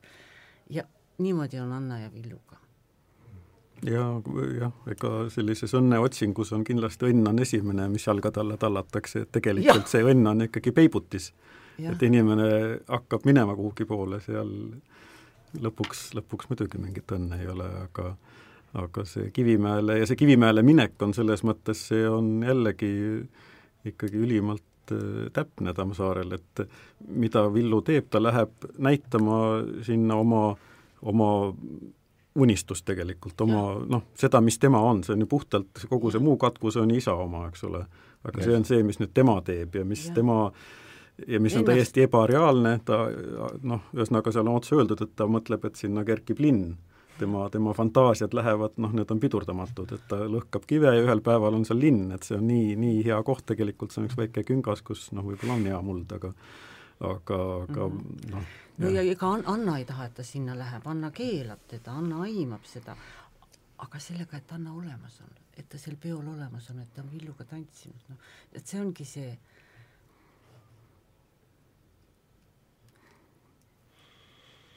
mm,. nii. et, et me noh, kõrvalt vaadates võime öelda, et jah, anna pärast. jah, see, see on noh, mingis mõttes see on nagu nende pulmaöö mm,. Just. Nad lähevad ja Villu ja. viibki ju ta sinna mm -hmm. nagu, nagu, nagu prints oma printsessi mm -hmm. oma lossi, mida mm -hmm. ei ole olemas, mis on õhuloss ju täiesti mm, -hmm. aga aga ühesõnaga ta näitab, need, need, see dünamiit, see ongi tema, tema see loss mm, -hmm. need plahvatused. ta näitab, noh, Annale näidata, kes ta on mm. -hmm. no nii, me oleme siin nüüd tund aega enam-vähem vist istunud, et ähm, võtada sellesse viimasesse kolmandikku seda asja hakata juhtima. ajast ja olumist, olust oleme me rääkinud, kohtumistest võib-olla üks äh, romaani sellise, sa oled selle eraldi välja toonud siin kolmanda osana, need pühad. ma ei tea, palju sul meeles on sellest, mis sa seal, mis sa seal kirjutasid no., võib-olla see tundub olevat sellise mütoloogia ja kogu see ise, et kui, kui me leppisime kokku, et saade on mütoloogiateaduskonna et räägiks nendest pühad, kuidas sa neid, see hakkab pihta, eks ole, meil ei, mitte jaanipühadega ei hakka pihta, see hakkab no, pihta kevadel. jaa, Tammsaare on selle tegevuse äh, paigutanud sellisesse pühade kalendrisse, ma, ma ei usu, et ta selle peale väga pikalt mõtles, et nüüd tee nii või naa, aga aga noh, see kuidagi paratamatult toimub kevad-suvisel ajal, see põhi, põhitegevus pluss siis niisugune finaal siis veel sügisel. Ja ja see, ma usun, et tuli tal väga loomulikult, aga seal on selgesti, see toimub, need põhisündmused toimuvad teatud pühadel ja kõik see algab taevaminemishühal, või suurel, seal ei ole seda nime, seal on suur ristipäev, mis, mis on teatavasti liikuv püha ja võib olla noh, ta võib olla enamasti maikuu jooksul millalgi. ja siis veel nelipühi, nelipühi ajal tuleb veel Anna korraks käima, siis nad ei kohtu ja siis on siis jaani, jaanipäeval on see, on see Kivimäele minek ja lõpuks siis veel Pähklipüha. On niisugune püha nagu pähklipüha, mis ei ole mingisugune teab mis püha, aga aga, aga kuidagi ta seal on, jah. et see, see oli niisugune traditsioon lihtsalt ja kas igal pool, aga, aga noh, võib-olla siis seal kõrvenurgas oli see, see kombeks, et et pähkleid mindi sügisel korjama üheskoos kuna metsaannid olid, kuulusid nagu kõigile vanast juba iidsetest aegadest saadik, ja, ja pähkleid peeti väärt kraamiks, siis, siis ei olnud niimoodi, et igaüks läheb ja nahistab seal paremad palad ära, vaid määrati kindlaks, nagu külaühiskonnas oli, asjad olid korraldatud, määrati kindlaks üks pühapäev, kui siis kõik, kõik külanoored läksid koos pähkleid korjama, et siis korjas keegi, igaüks palju korjas. ja noh, loomulikult siis see oli ka niisugune püha ja, ja kokkusaamine. Ja, ja noh, seal selle romaani ajal muidugi see pähkel ei olnudki seal enam nii tähtis, et pigem oligi see niisugune vana tore püha, noh nii nagu tänapäeval on ütleme, jaanipäev, et, et mis palju siis on järel sellest muistsest niisugusest pööripäeva või, või või talurahvapühast, et on lihtsalt üks põhjus kokku saada ja teha igasugu lollusi. Ja, ja noh ja, ja üldiselt eh, siis eh, see kirikukalender ju sügisel väga pühasid ei paku, nii et nii et noh, mingis mõttes jällegi on siin Tammsaare väga järjekindel oma, oma ka struktuuris, kuigi ma ütlen, et ma arvan, et ta selle peale väga pingsalt ei mõelnud, aga see tekkis tal niimoodi, et, et ongi, see läheb mööda niisugust esimene, teine, kolmas vaatus no.. jah, jah, niisugused ja, ja et, et need ei ole niisama päevad, vaid on, iga kord on seal taga veel üks püha, noh, millel on ju oma tähendus, mida, mida inimene võib tajuda või juurde mõelda, mis annab, annab talle mingisuguse laiema ja sügavama ruumi iga kord, kui, kui selle peale mõelda, isegi kui ma ei mõtle, siis noh, ma ei tea, kui palju tänapäeva lugejale ütleb veel suurristipäev või, või nelipühadki või pähklipüha, aga noh, vähemalt see on ei ütle küll, mul ja. oli see ka nagu, nagu natukene mm. üllatav, et see oleneb sellest, kus pähklimetsad on ja,. jah, jah. kus mina kasvasin seal mere ääres, polnud küll mingeid sarapuid ega pähklimetsa. jah, et äh, aga, aga noh, kõik see kokku ikkagi kuidagi tõstab seda tegevust, et see ei ole, see ei olegi, et ta, kuigi seal toimub justkui selline külarealistlik eh, lugu, aga tegelikult ta seda üldse ei ole. Mm.. et see on eh, puhtalt ikkagi selline täiesti suurel, suurel osal niisuguse püha, pühaduse sfääris toimuv mm., toimuv lugu et, see, see oligi, mida, mida omaaegne kriitika kuidagi nagu üldse ei märganud, et nad lugesid seda kui järjekordset külalugu, kus siis tõesti on jah, külapätt ja, ja muide, ka selles mõttes üldse mitte lihtne külapätt, vaid ta oli ju mõrtsukas. ta oli istunud vangis selle ja. eest, et ta teise külapoisi maha lõi, noh, kes talle küll kallale tuli ja kõik nii, aga aga, aga ta oli ikkagi sellest külaühiskonnast välja arvatud juba. ega, ega noh, see kõrvenurk talle seda ei andestanud.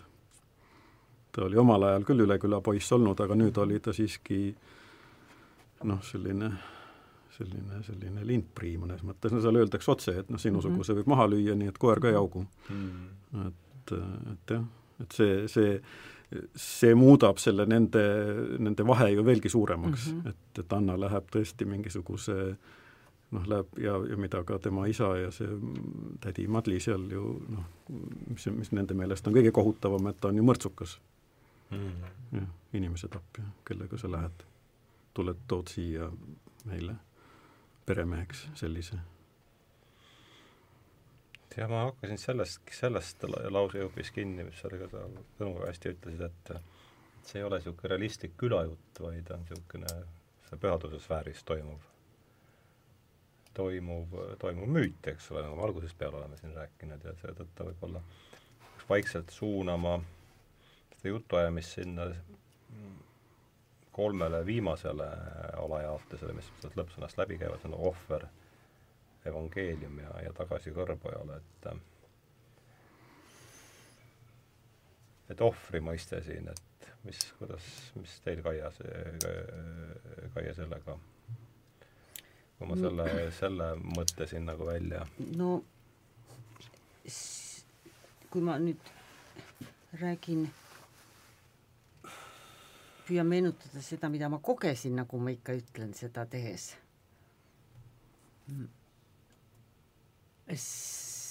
siis ma seda võib-olla päris nii ei sõnastaks, kui see, kuidas ma nüüd sõnastan, aga see oli seal juba olemas, see nagu selles, mida ma noh, mida ma tajusin siis, kui, kui ma, kui ma tegin Annat kuidas see välja tuli, on iseasi, aga see, mis, mis käivitas ja lükkas. et ähm, vastan küsimusele, panen ühe lisaküsimuse sinna mm -hmm. veel mhm. kõrvale, kui tohib.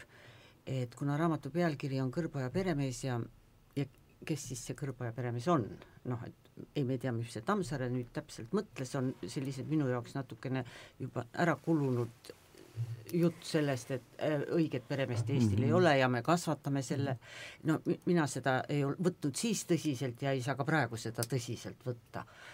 et minu jaoks ikkagi eh, vähemalt nüüd paarkümmend aastat on Kõrboja peremees Anna.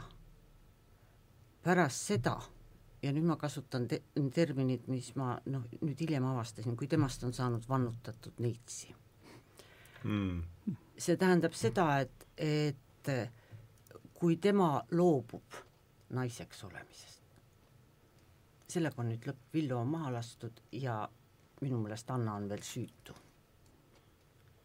see on see Anna ohver siis? nojah, et see oleks nagu vastus sellele ja nüüd äh, ja jälle see toimub tõesti mitte nii, et ta istub maha ja mõtleb mm, -hmm. kuidas ma edasi elan, vaid see toimub selles kummalises rahus äh,, selles kummalises, kus, kus ta tuleb sealt, ema sõnad on veel see noh, tal kõrvus, et saite, mida te tahtsite, seda ma ei tahtnud, tuleb läbi metsa, maailm on natukene sürreaalne ja väga vaikne ja rahulik. ja sealt ta teab, et ta läheb kõrvajale ja ta võtab selle kõrvaja, ta saab seda teha siis, no ei saa olla korraga ei, ei Villu ei anna ja me ei tea, mis sellest poisist saab. kui me ei valitse oma tahtmisi, oma tunge, me ei saa võtta vastutust ja midagi teha. aga vannutatud neitsi võtab vastutuse, mehe vastutuse, loobub olemast naine et see meil nüüd kaduma ei lähe, see, me, me küll taksos tuli, ja, see, sellepärast... tuli see meil jutuks jah, aga, aga võib-olla, olge hea, pange selle võib-olla kõigile raadiokuulajatele ei tulnud see, ei hakanud see kujund nüüd kohe tööle no,, see vannutatud neitsid oli siis eks no see oli näitemäng. oli, mul on nagu üks selline tegemise kogemus ja, ja, ja ka üks teadasaamine, et selline, et selline, sellised naised eksisteerivad ja eksisteerivad veel praegu.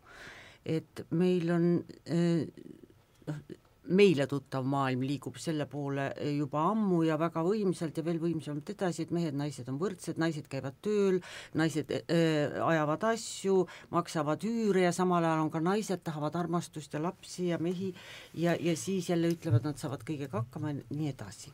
et sellisel maal nagu Albaania, kus on äh, siiamaani, eriti mägedes äh,, valitseb kanuun ehk selline nende, nende seadus, seadmus kus on meeste ja naiste rollid väga selgelt jaotatud.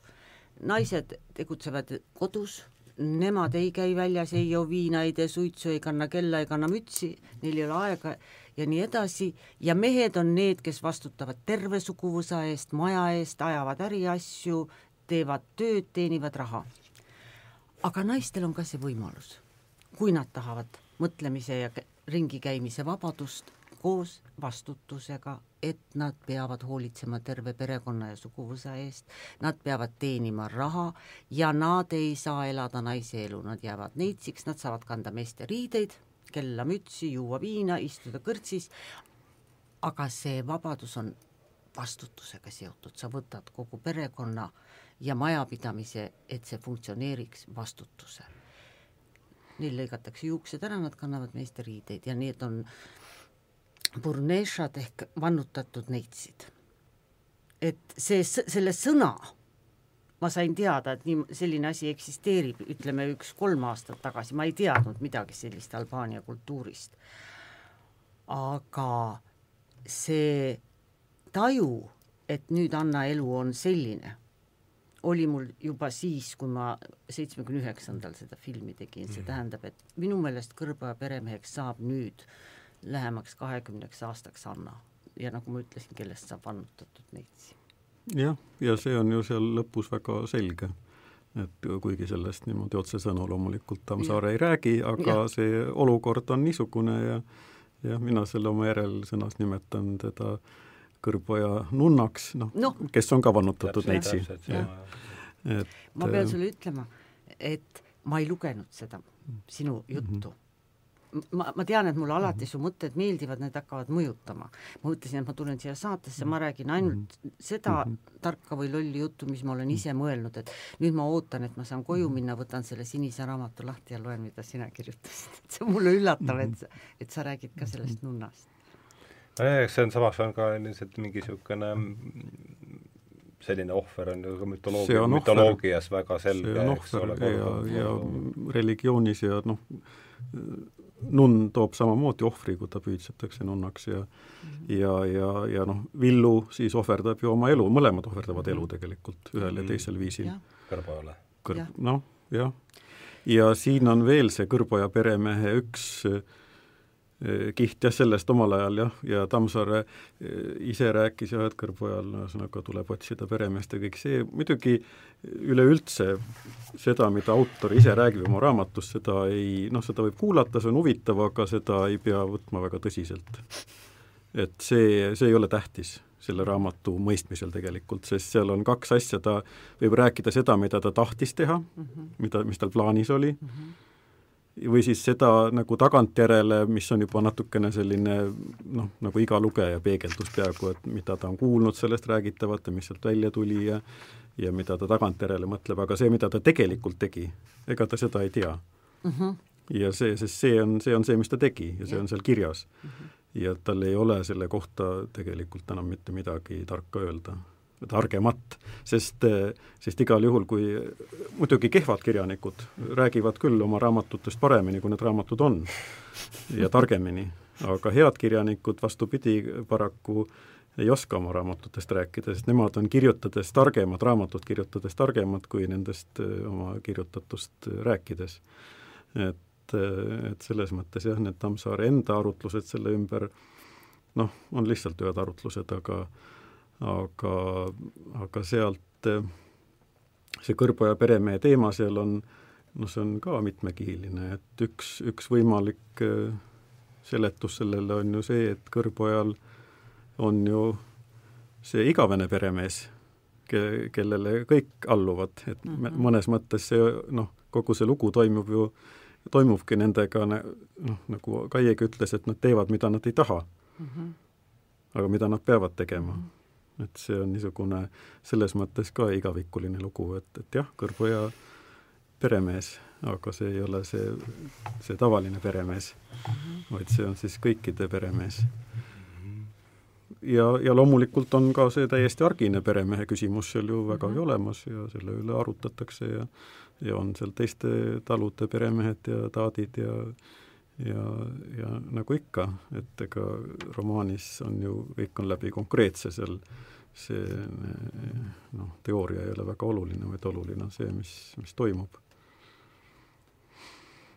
ja, ja mida öeldakse, aga, aga noh, õigemini see, mis selle ütlemise taga on, et noh, inimesed ikka räägivad ja romaanis ka räägivad, aga, aga aga nende, nende sõnad otseselt alati pole tähtsad, vaid see, mis, mis nad lõppkokkuvõttes tähendavad. Siin on üks katkend jällegi, võtaks sellest samast äh, Tõnu esseest, mille, mis ei ole nüüd selle Kõrba peremehe lõpust, vaid äh, kus on see kirjutatud Tammsaarest laiemalt, et, et see Dostojevski käis meil läbi juba täna siin aga etteheitev pilk mulle ei, sugugi mitte, ta oli läbinisti tunnustav et see, see on mulle Tammsaare mõistatustest, mõistatustest lõpuks kõige suurem, see lunastuse ja Jeesuse asi see painab teda nagu, nagu Dostojevskit, aga teisiti. Dostojevski oli õigeusklik, kes joonistas oma kahtlaste mõtete ümber ristimärke. Tammsaar oli usuta, riituseta inimene, saksa luterlikust kirikust tulnud agnostik. aga ühes olid nad sarnased, mõlemad otsisid lunastust oma rahvale, üks Vene, teise Eesti Jeesust. üks otsis Vene ja teine Eesti Jeesust. usk ja piibel on meile talupoistele ka nagu mingid võõramaa imeasjad jah, no üks lause veel, et see raamat oleks, oleks küll nagu meie keelde ümber pandud ja meid oleks nagu ristitud ja leeritatud, aga keegi pole meil seda asja ikka õiesti ära seletanud. Ja kui on seletanud, siis köstri ja saksa õpetaja kombel, nende kombel, kes pole meie, kes ennemini, võivad meid petta ja tüssata, kui tahta tõsiselt aidata.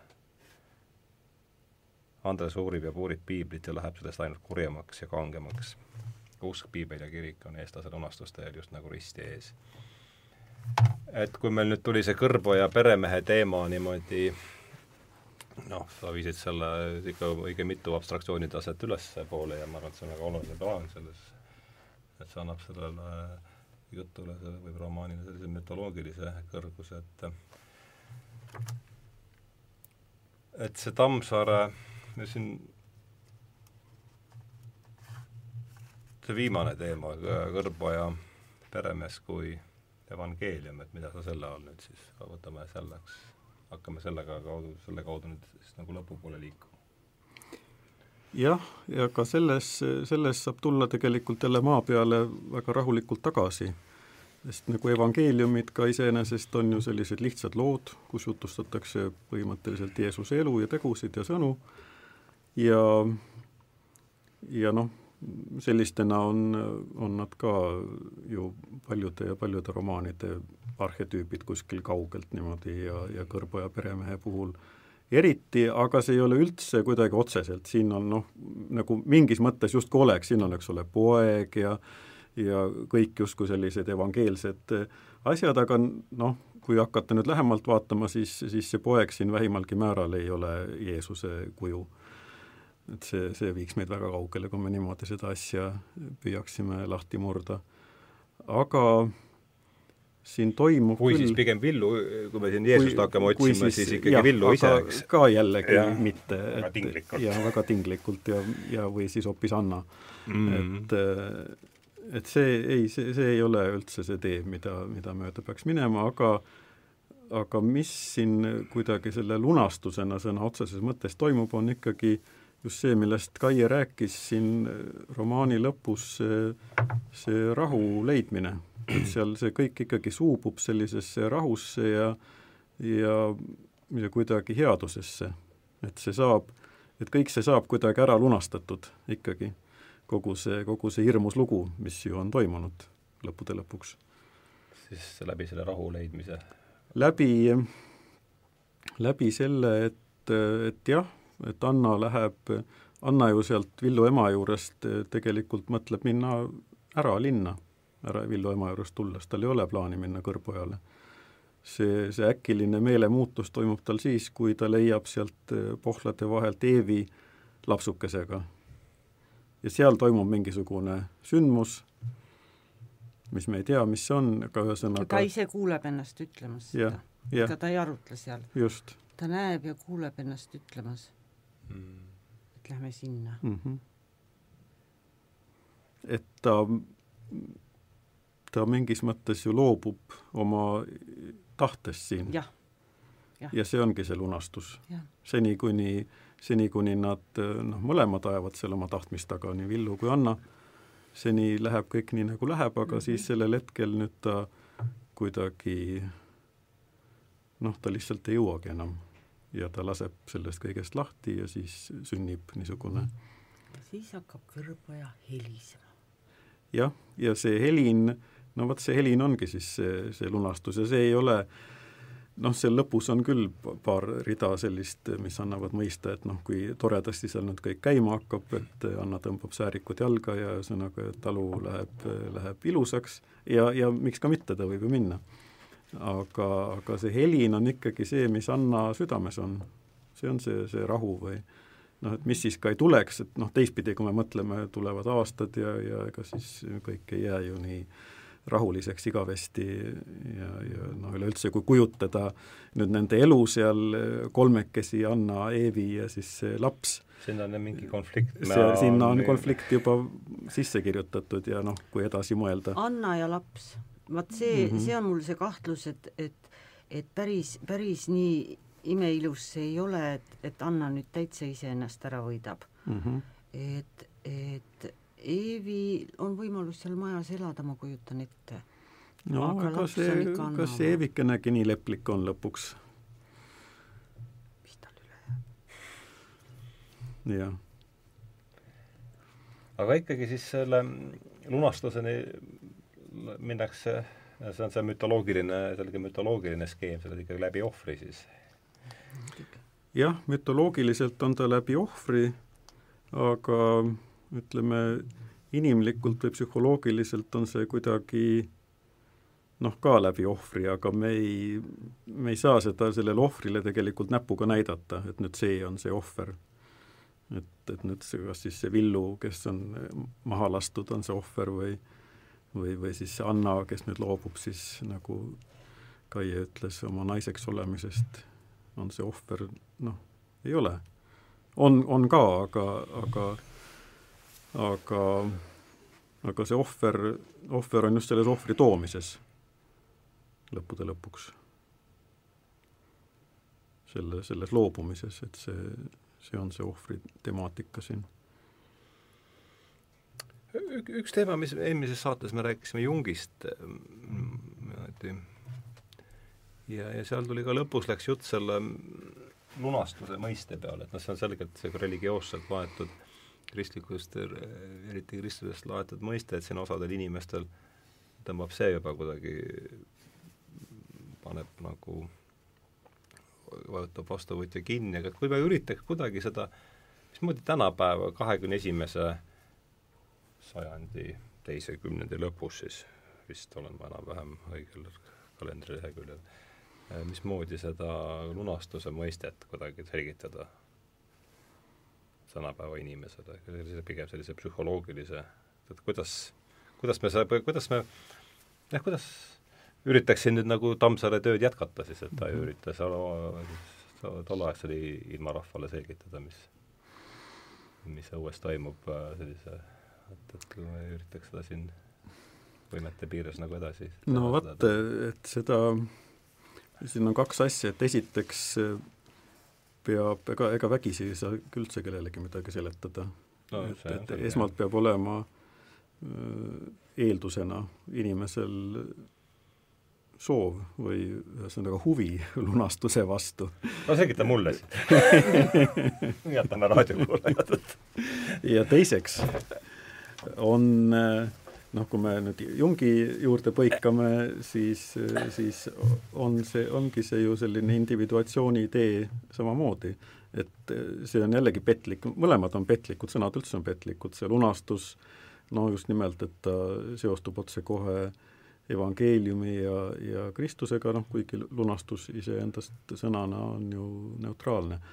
Aga, ja individuatsioon jälle justkui viitab mingisuguseks minaks saamisele, mis oleks justkui justkui selline egoistlik eesmärk justkui lõhnaks seal taga, et noh, ma, mina tahan olla mina ja vot siis teen ja olengi mina. aga Jungi mõttes on just tegelikult vastupidine, see individuatsioon, et see individuatsioon ongi loobumiste tee õigupoolest ja see on ka tee lunastusele, et sa, sa saad endaks siis, kui sa endast loobud, kõige lihtsamas mõttes. Seni, kui sa tahadki olla see, kes sa oled seni, seni ei saa. et ja, ja teistpidi seda noh, ikkagi jõuga kuidagi teha ei saa või noh, et ma nüüd tead, lähen ja lunastan ennast või ükskõik keda, vot ei saa, et siin kerkib ikkagi üles mingisugune äh, kolmas jõud või ühesõnaga see, mis ei ole meie äh, haarde ja kõrbo ja peremees ja ja jällegi, mis ei tähenda, et me midagi teha ei saa. aga, aga see tähendab seda, et, et enamik asju, mis me teeme, on valed. aga noh, me ikkagi teeme, sest ega, ega meil muud ka üle ei jää. ja siis noh, ütleme nii, et kui läheb hästi, siis saame lunastatud, aga no mis hästi tähendab, hästi tähendab siin seda, et üks on maha lastud, ja, ja ega ole, Anna ei ja. ole lunastatud sel hetkel, kui ta sealt katkult tuleb. E, nüüd on pikk tee tal minna. Võib-olla kahekümne aasta pärast. kui ta, kui ta ja. seda, kui ta, kui ta selle vastutuse maa ja talu mm -hmm. eest võtab mm. -hmm. et täpselt, et seni, noh, seni see ongi ju nii, et seni, kui meil see elutee on veel käia, siis, siis on see lunastuse tee meil samamoodi käia, et ega see noh, jah see ei ole miski, mille nüüd saab äh, tuleval reedel kätte ja siis siis on sellega ühel pool, jah. võib-olla see juhtub kellegagi kunagi kuskil nii, aga noh, me seda ka ei tea, aga aga aga kindlasti see ei ole, see ei ole igatahes äh, see ei ole ka kuidagi otse seletatav ja selleks ongi, selleks kirjutataksegi muuhulgas siis romaane, nagu see Kõrboja peremees, et ta on annavad meile aimu sellest. ta, ta annab meile aimu ja veel enam, et ta kuidagi viib meid selle poole heal juhul mm., et kui me selle läbi loeme, läbi tunneme ja elame, et siis eks me siis ole ka sammukese jälle teinud või, või noh, see, see on ju romaani eesmärk lõppude lõpuks meis midagi teha mitte ainult aega viita. no on ka romaane, mis ongi ajaviitmiseks ja on ka hea, aga aga Kõrboja peremees vast ei ole selline. et ja, ja noh, selles mõttes jällegi tragöödia, tragöödia äh, vanas mõttes oli ju ka see, mis, mis kutsus vaatajas esime-, esile katarsise, eks ole, mingisuguse vabanemise. et noh, on vabanemised ja siis on vabanemine. et, et need on sellised sammukesed, et noh, iga, iga vabanemine on tegelikult millestki loobumine. ja selles mõttes nagu ohverdus ja, ja ta läheb paraku noh, tragöödia mõttes ta läheb ikkagi läbi pisarate. võib ka minna läbi naeru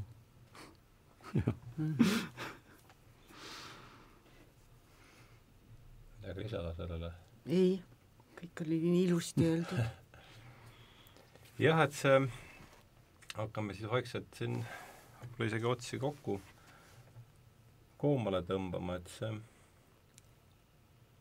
meie ja müüt siis ja, ja tagasi kõrvale on sul siin see viimane.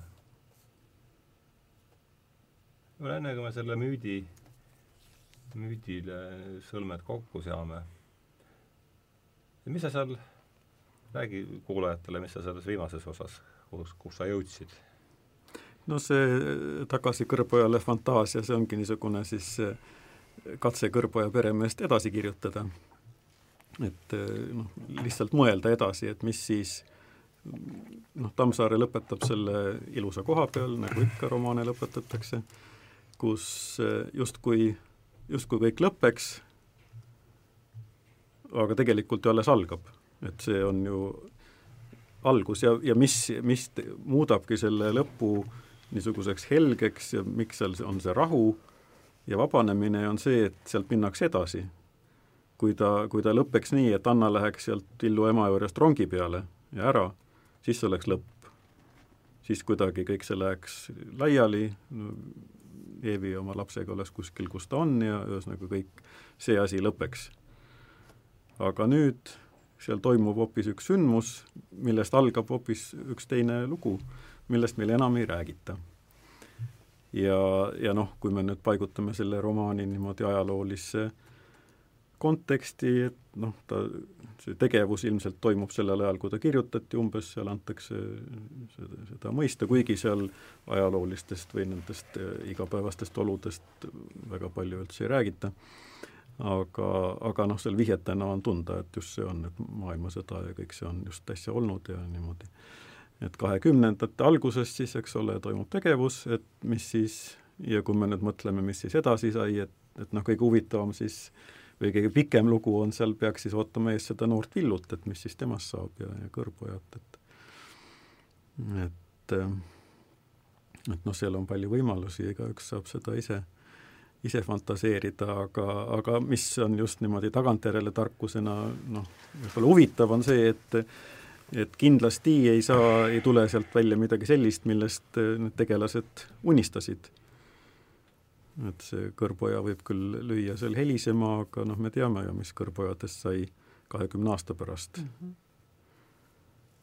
aga mis siis, teisest küljest elu läheb edasi, inimeste lood lähevad ikka edasi ja ja, ja kuidas see Villu, Villu asi läheb edasi, seda jah, me ei tea, aga, aga, aga aga, aga mõelda võib ja just eh, huvitav on see, et, et Tammsaare nagu jätab selle lõpu lahtiseks niimoodi ja ja laseb meil sealt eh, kuidagiviisi edasi kõndida, seda üldse ei pea tegema muidugi noh, niisugune, niisugune lunastuslik lõpp äh, ka meid vabastab tegelikult sellest romaanist, me ei jää selle kütke, me ei, see ei jää meid kuidagi kummitama. see on, ja mis on ka tähtis, et et see ei jää meid painama. et see lugu võiks ju jääda ka painama, sest mingis mõttes on see väga painajalik lugu. aga, aga ta on teinud seal ühe niisuguse liigutuse, see Tammsaare, mis meid vabastab sellest. Ja noh, heal juhul ta siis vabastab meid veel millestki, noh, mingitest oma asjadest. aga, aga jah, nagu noh, see, mis, mis konkreetselt Kõrbojas sai, kui see Kõrboja oli seal, seal Kõrvemaal Paukjärve kandis, siis, siis Kaie juba rääkis, mis tast sai, et seal oli üks vundament vaevalt veel aimatav võsa sees.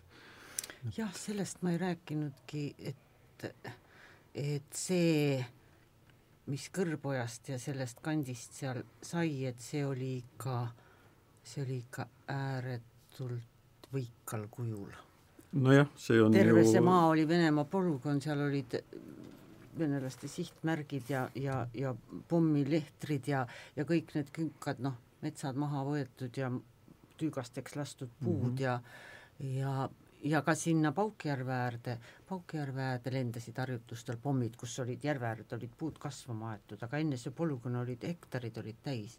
Te saite ikka filmiloa, saite sinna kuidagi jah, jah, me võisime sealt läbi sõita, me pidime kooskõlastama, kas neil paugutamine on või ei ole, ükskord juhtuski, et see midagi läks seal natukene risti, nii et meie omad tohutu killavooriga kõik need, kõik need jõuautod ja filmiautod sõitsime oma, oma suure karavaniga ja siis pirraki pomm tuli kakskümmend meetrit, noh, käis kärakas enne esimest autot.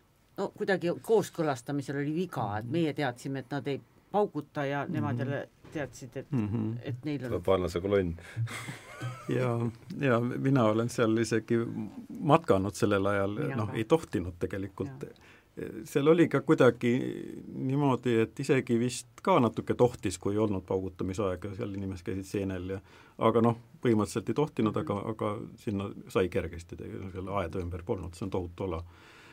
ja, ja samamoodi sattusime paugutamise alla aga noh, need, mis iganes seal lendasid, need käisid kõrgelt üle pea, nii et nii et eh, jah, nii ta oli, aga, aga ja muuseas, see asi ju jätkub, seal on nüüd mm. Eesti Vabariigi keskpolügoon, nii et see ja nüüd just eh, seal toimus ju suur eh, põleng seal, noh, mitte päris mhm. seal, aga, aga sealsamas polügoonil ja ei saa kustutada, sellepärast et see maa on seal igasugu lõhkemata mürske täis. -hmm. aga, aga noh, see ongi niisugune metsast lage ja see, see polügooni ala, aga, aga samas jah, ka, ka siis ja nüüd on seal äh, see, see maastiku ja koha ja looduse ilu on seal ikkagi kuidagi tajutav ja nähtav ja, ja, ja tuntav. täiesti, täiesti, mis selle kohta öelda, kõik, tahaks kõiki neid sõnu kasutada, lummav, müstiline, no see on täiesti eriline koht pärast seda, kui me seal olime, pärast seda mina ja Sulev, me ikka ja jälle käisime, noh, viisime mõned väga lähedased inimesed sinna salaja seal, ma olen ka ööbinud seal mm, -hmm. seal Konsuljärve ääres ja sealt edasi tuleb Jussijärvede rida, see juba jääb rabade vahele, sinna ei paugutatud väga, aga sinna Paukjärve ja Konsuljärve äärde küll. ma olen seal telgis olnud öösel, kui läks paugutamine lahti ja, ja väga lähedale kukkusin mm. -hmm. et mis, midagi sellist nõiduslikku seal on selles paigas küll. kipub äh, kivi no,. ah, kuidas? Et ikka see, see Kivimäe, Kivimägi kipub plahvatama, paugud, paugud käivad asja juurde. jah, see on ka huvitav, et, et seal, kui, kui mm -hmm. nii lugeda, siis on seal ju lausa prohvetlus selles romaanis, et mm -hmm. et seal läks väga suureks paugutamiseks mm -hmm. pärast seda.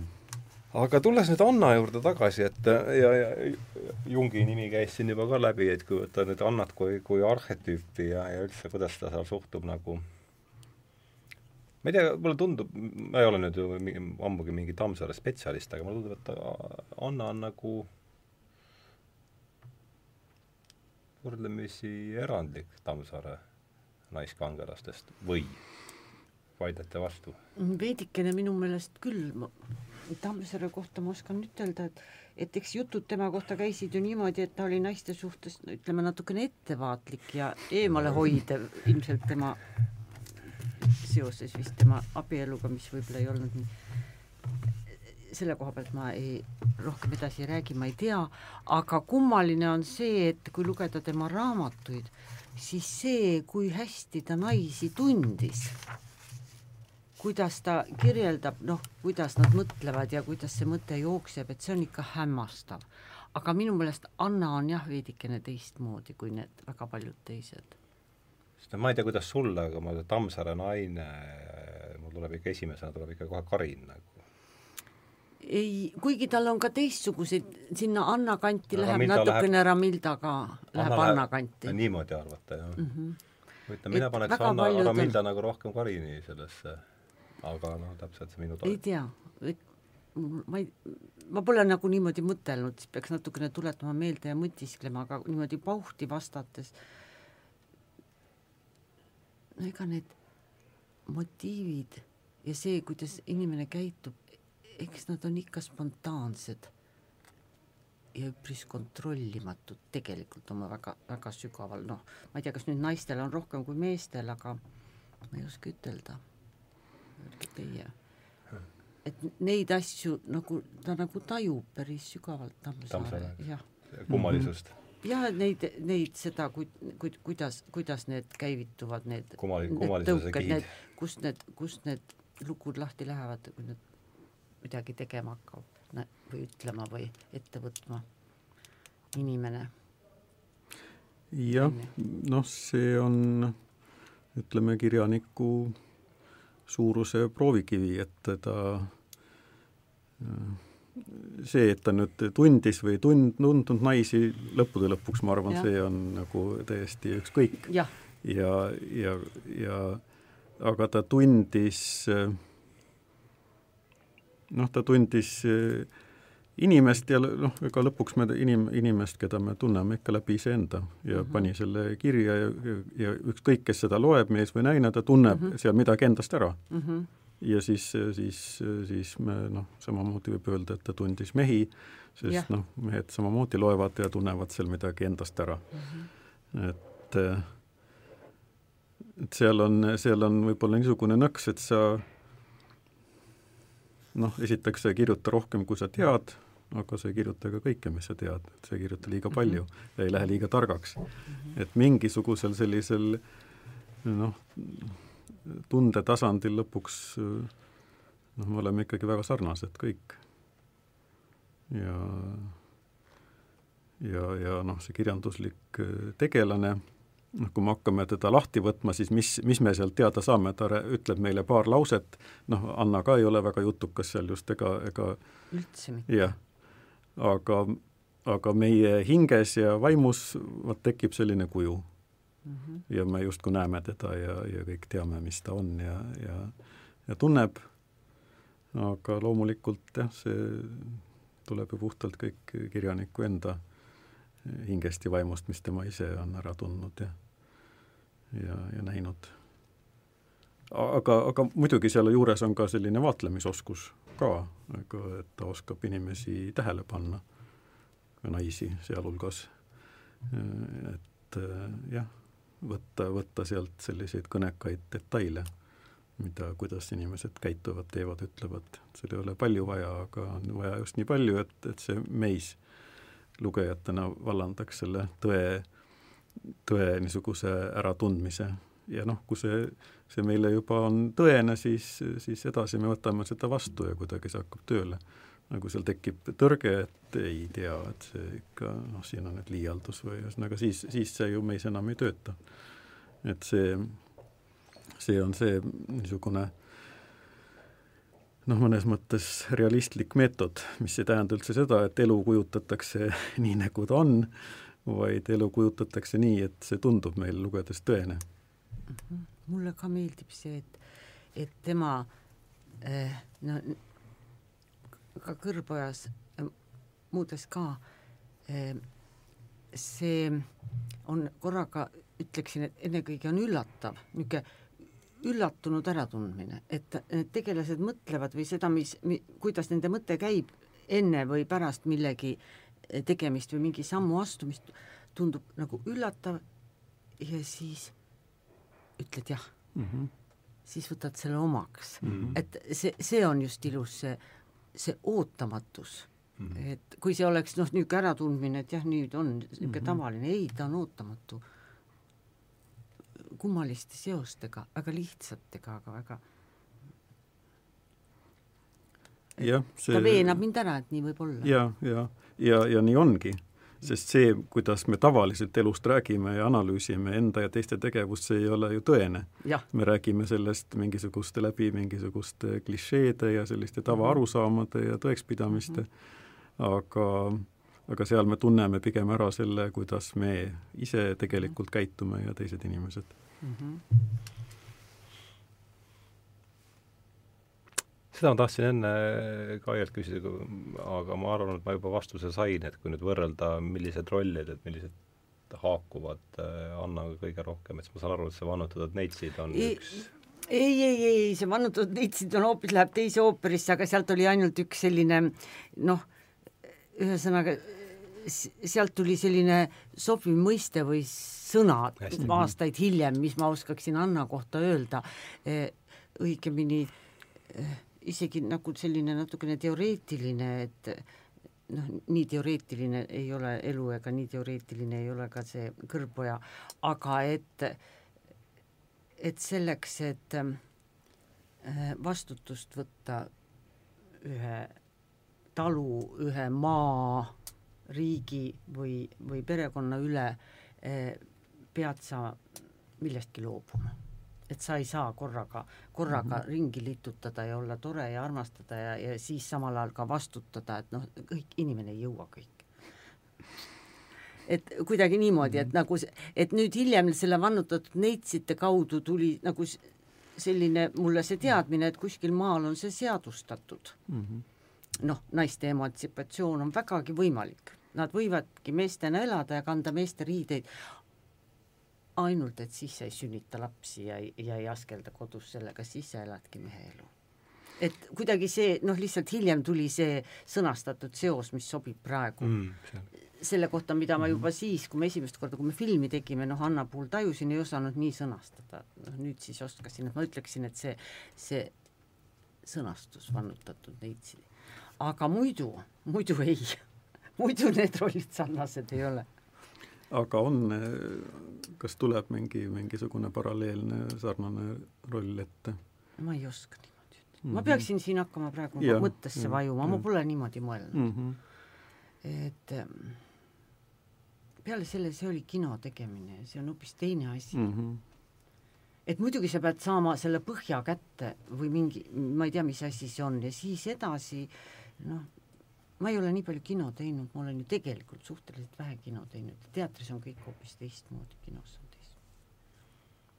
aga see põhi, kuidas, kuidas seda põhja sõnas, see, see, see põhja kättesaamine rolli puhul, et mida see no, mida see võiks no sellest ma ka rääkisin, no näiteks võin ütelda, võin, üks jälle, jälle naiivse näite et ega mina ei tea, millest Leida, kuidas Leidal seda luges ja mõtles, ma ei mäleta, et ta selliseid suuri, suuri üldistusi, noh, millest lugu on, oleks teinud, ikka, eks tal ikka oli tugev naine ja, ja noh, kes läheb, noh, kui ta tegi ikka armastuse ja tugeva naise teema ja, ja küllap ta ka rääkis rohkem stseenianalüüsi, aga kui võtteks läks, siis ta nagu tahtis tulla ja nagu anda edasi seda mingit emotsiooni, mis seda peaks kandma, ma usun, et tema silmis oli Anna selline nõrgem ja tundelisem ja armastav naine, et kui me kunagi rääkisime, ma kasutasin sõna, et Anna on tegelikult kuri, ta nii kohutavalt ehmatas ära. Ja siis ma lõpetasin jutu ära, aga mis ma tahan ütelda, et kui läheb võtteks ja kui seal on näiteks režissöör, kes tahab anda mingit emotsiooni, siis kui ma panen pea, käe puu peale, kus on see krobeline puukoor ja ta ei saa selle vastu, et ta kasvab. noh, tal on see, tal on see sisse antud, see on, see on üks selline paratamatu aje või tung.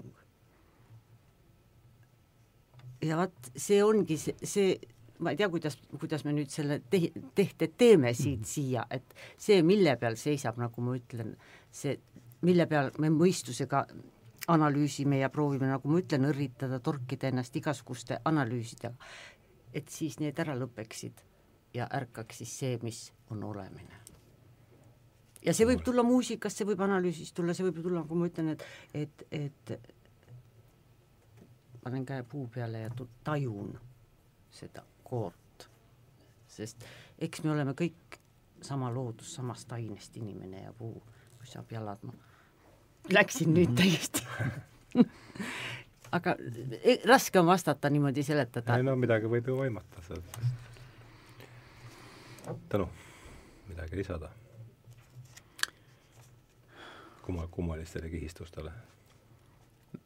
ei olegi enam kuidagi minu meelest oleme jõudnud no, jaa, me oleme selle ringiga jõudnud kokku, aga aga siis iga... ma võib-olla loen lõpetuseks veel ette sellest Tõnu esseest ühe väikse lõigu ja siis võib-olla siis pole veel ütelda midagi, siis lähemegi võib-olla laiali. niisugune plaan oleks.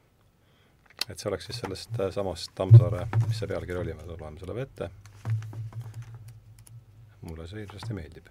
Tammsaare kui eestlase alustekst ja eestlase pealistekk et Tammsaare on korraga kole palju asju minu jaoks ja vahel pole ta nagu midagi ta on jutuveeretaja, muinasjutuvestja, lihtsameelne imede armastaja, seltskonna kroonik ja kombekriitik, kodukootud filosoof targutaja ja kirjutamisse armunud üksildane armastusjanune hing, naiselik uneleja. kõigele lisaks on ta kirjutanud esimese päris Eesti evangeeliumi. kuid see on korraga liiga isiklik ja liiga üldinimlik, et kanda kor-, et kanda sel-, et kanda sel-, kanda sellist korraga umbisikulist ja piiratud asja nagu eestlus aga eestlasel võib temast küll veelgi kasu olla, kas või mälevärsk-, kas või mäluvärskenduseks, meeldetuletuseks, kus sa oled, mis sa kord oled olnud ja mis sul ikka veel pooleldi ja tegemata on. et ma arvan, et see kõlab päris hästi lõpetuseks, et olge te tuhandeks tänatud, Kaie Mihkelson, Tõnu Õnnepalu eetris oli kuueteistkümnes saade sarjas Tähenduse teejuhid ja me rääkisime täna Anton Hansen Tammsaare romaanis Kõrboja peremees ja mina olin saatejuht Valdo Pajula. head õhtut!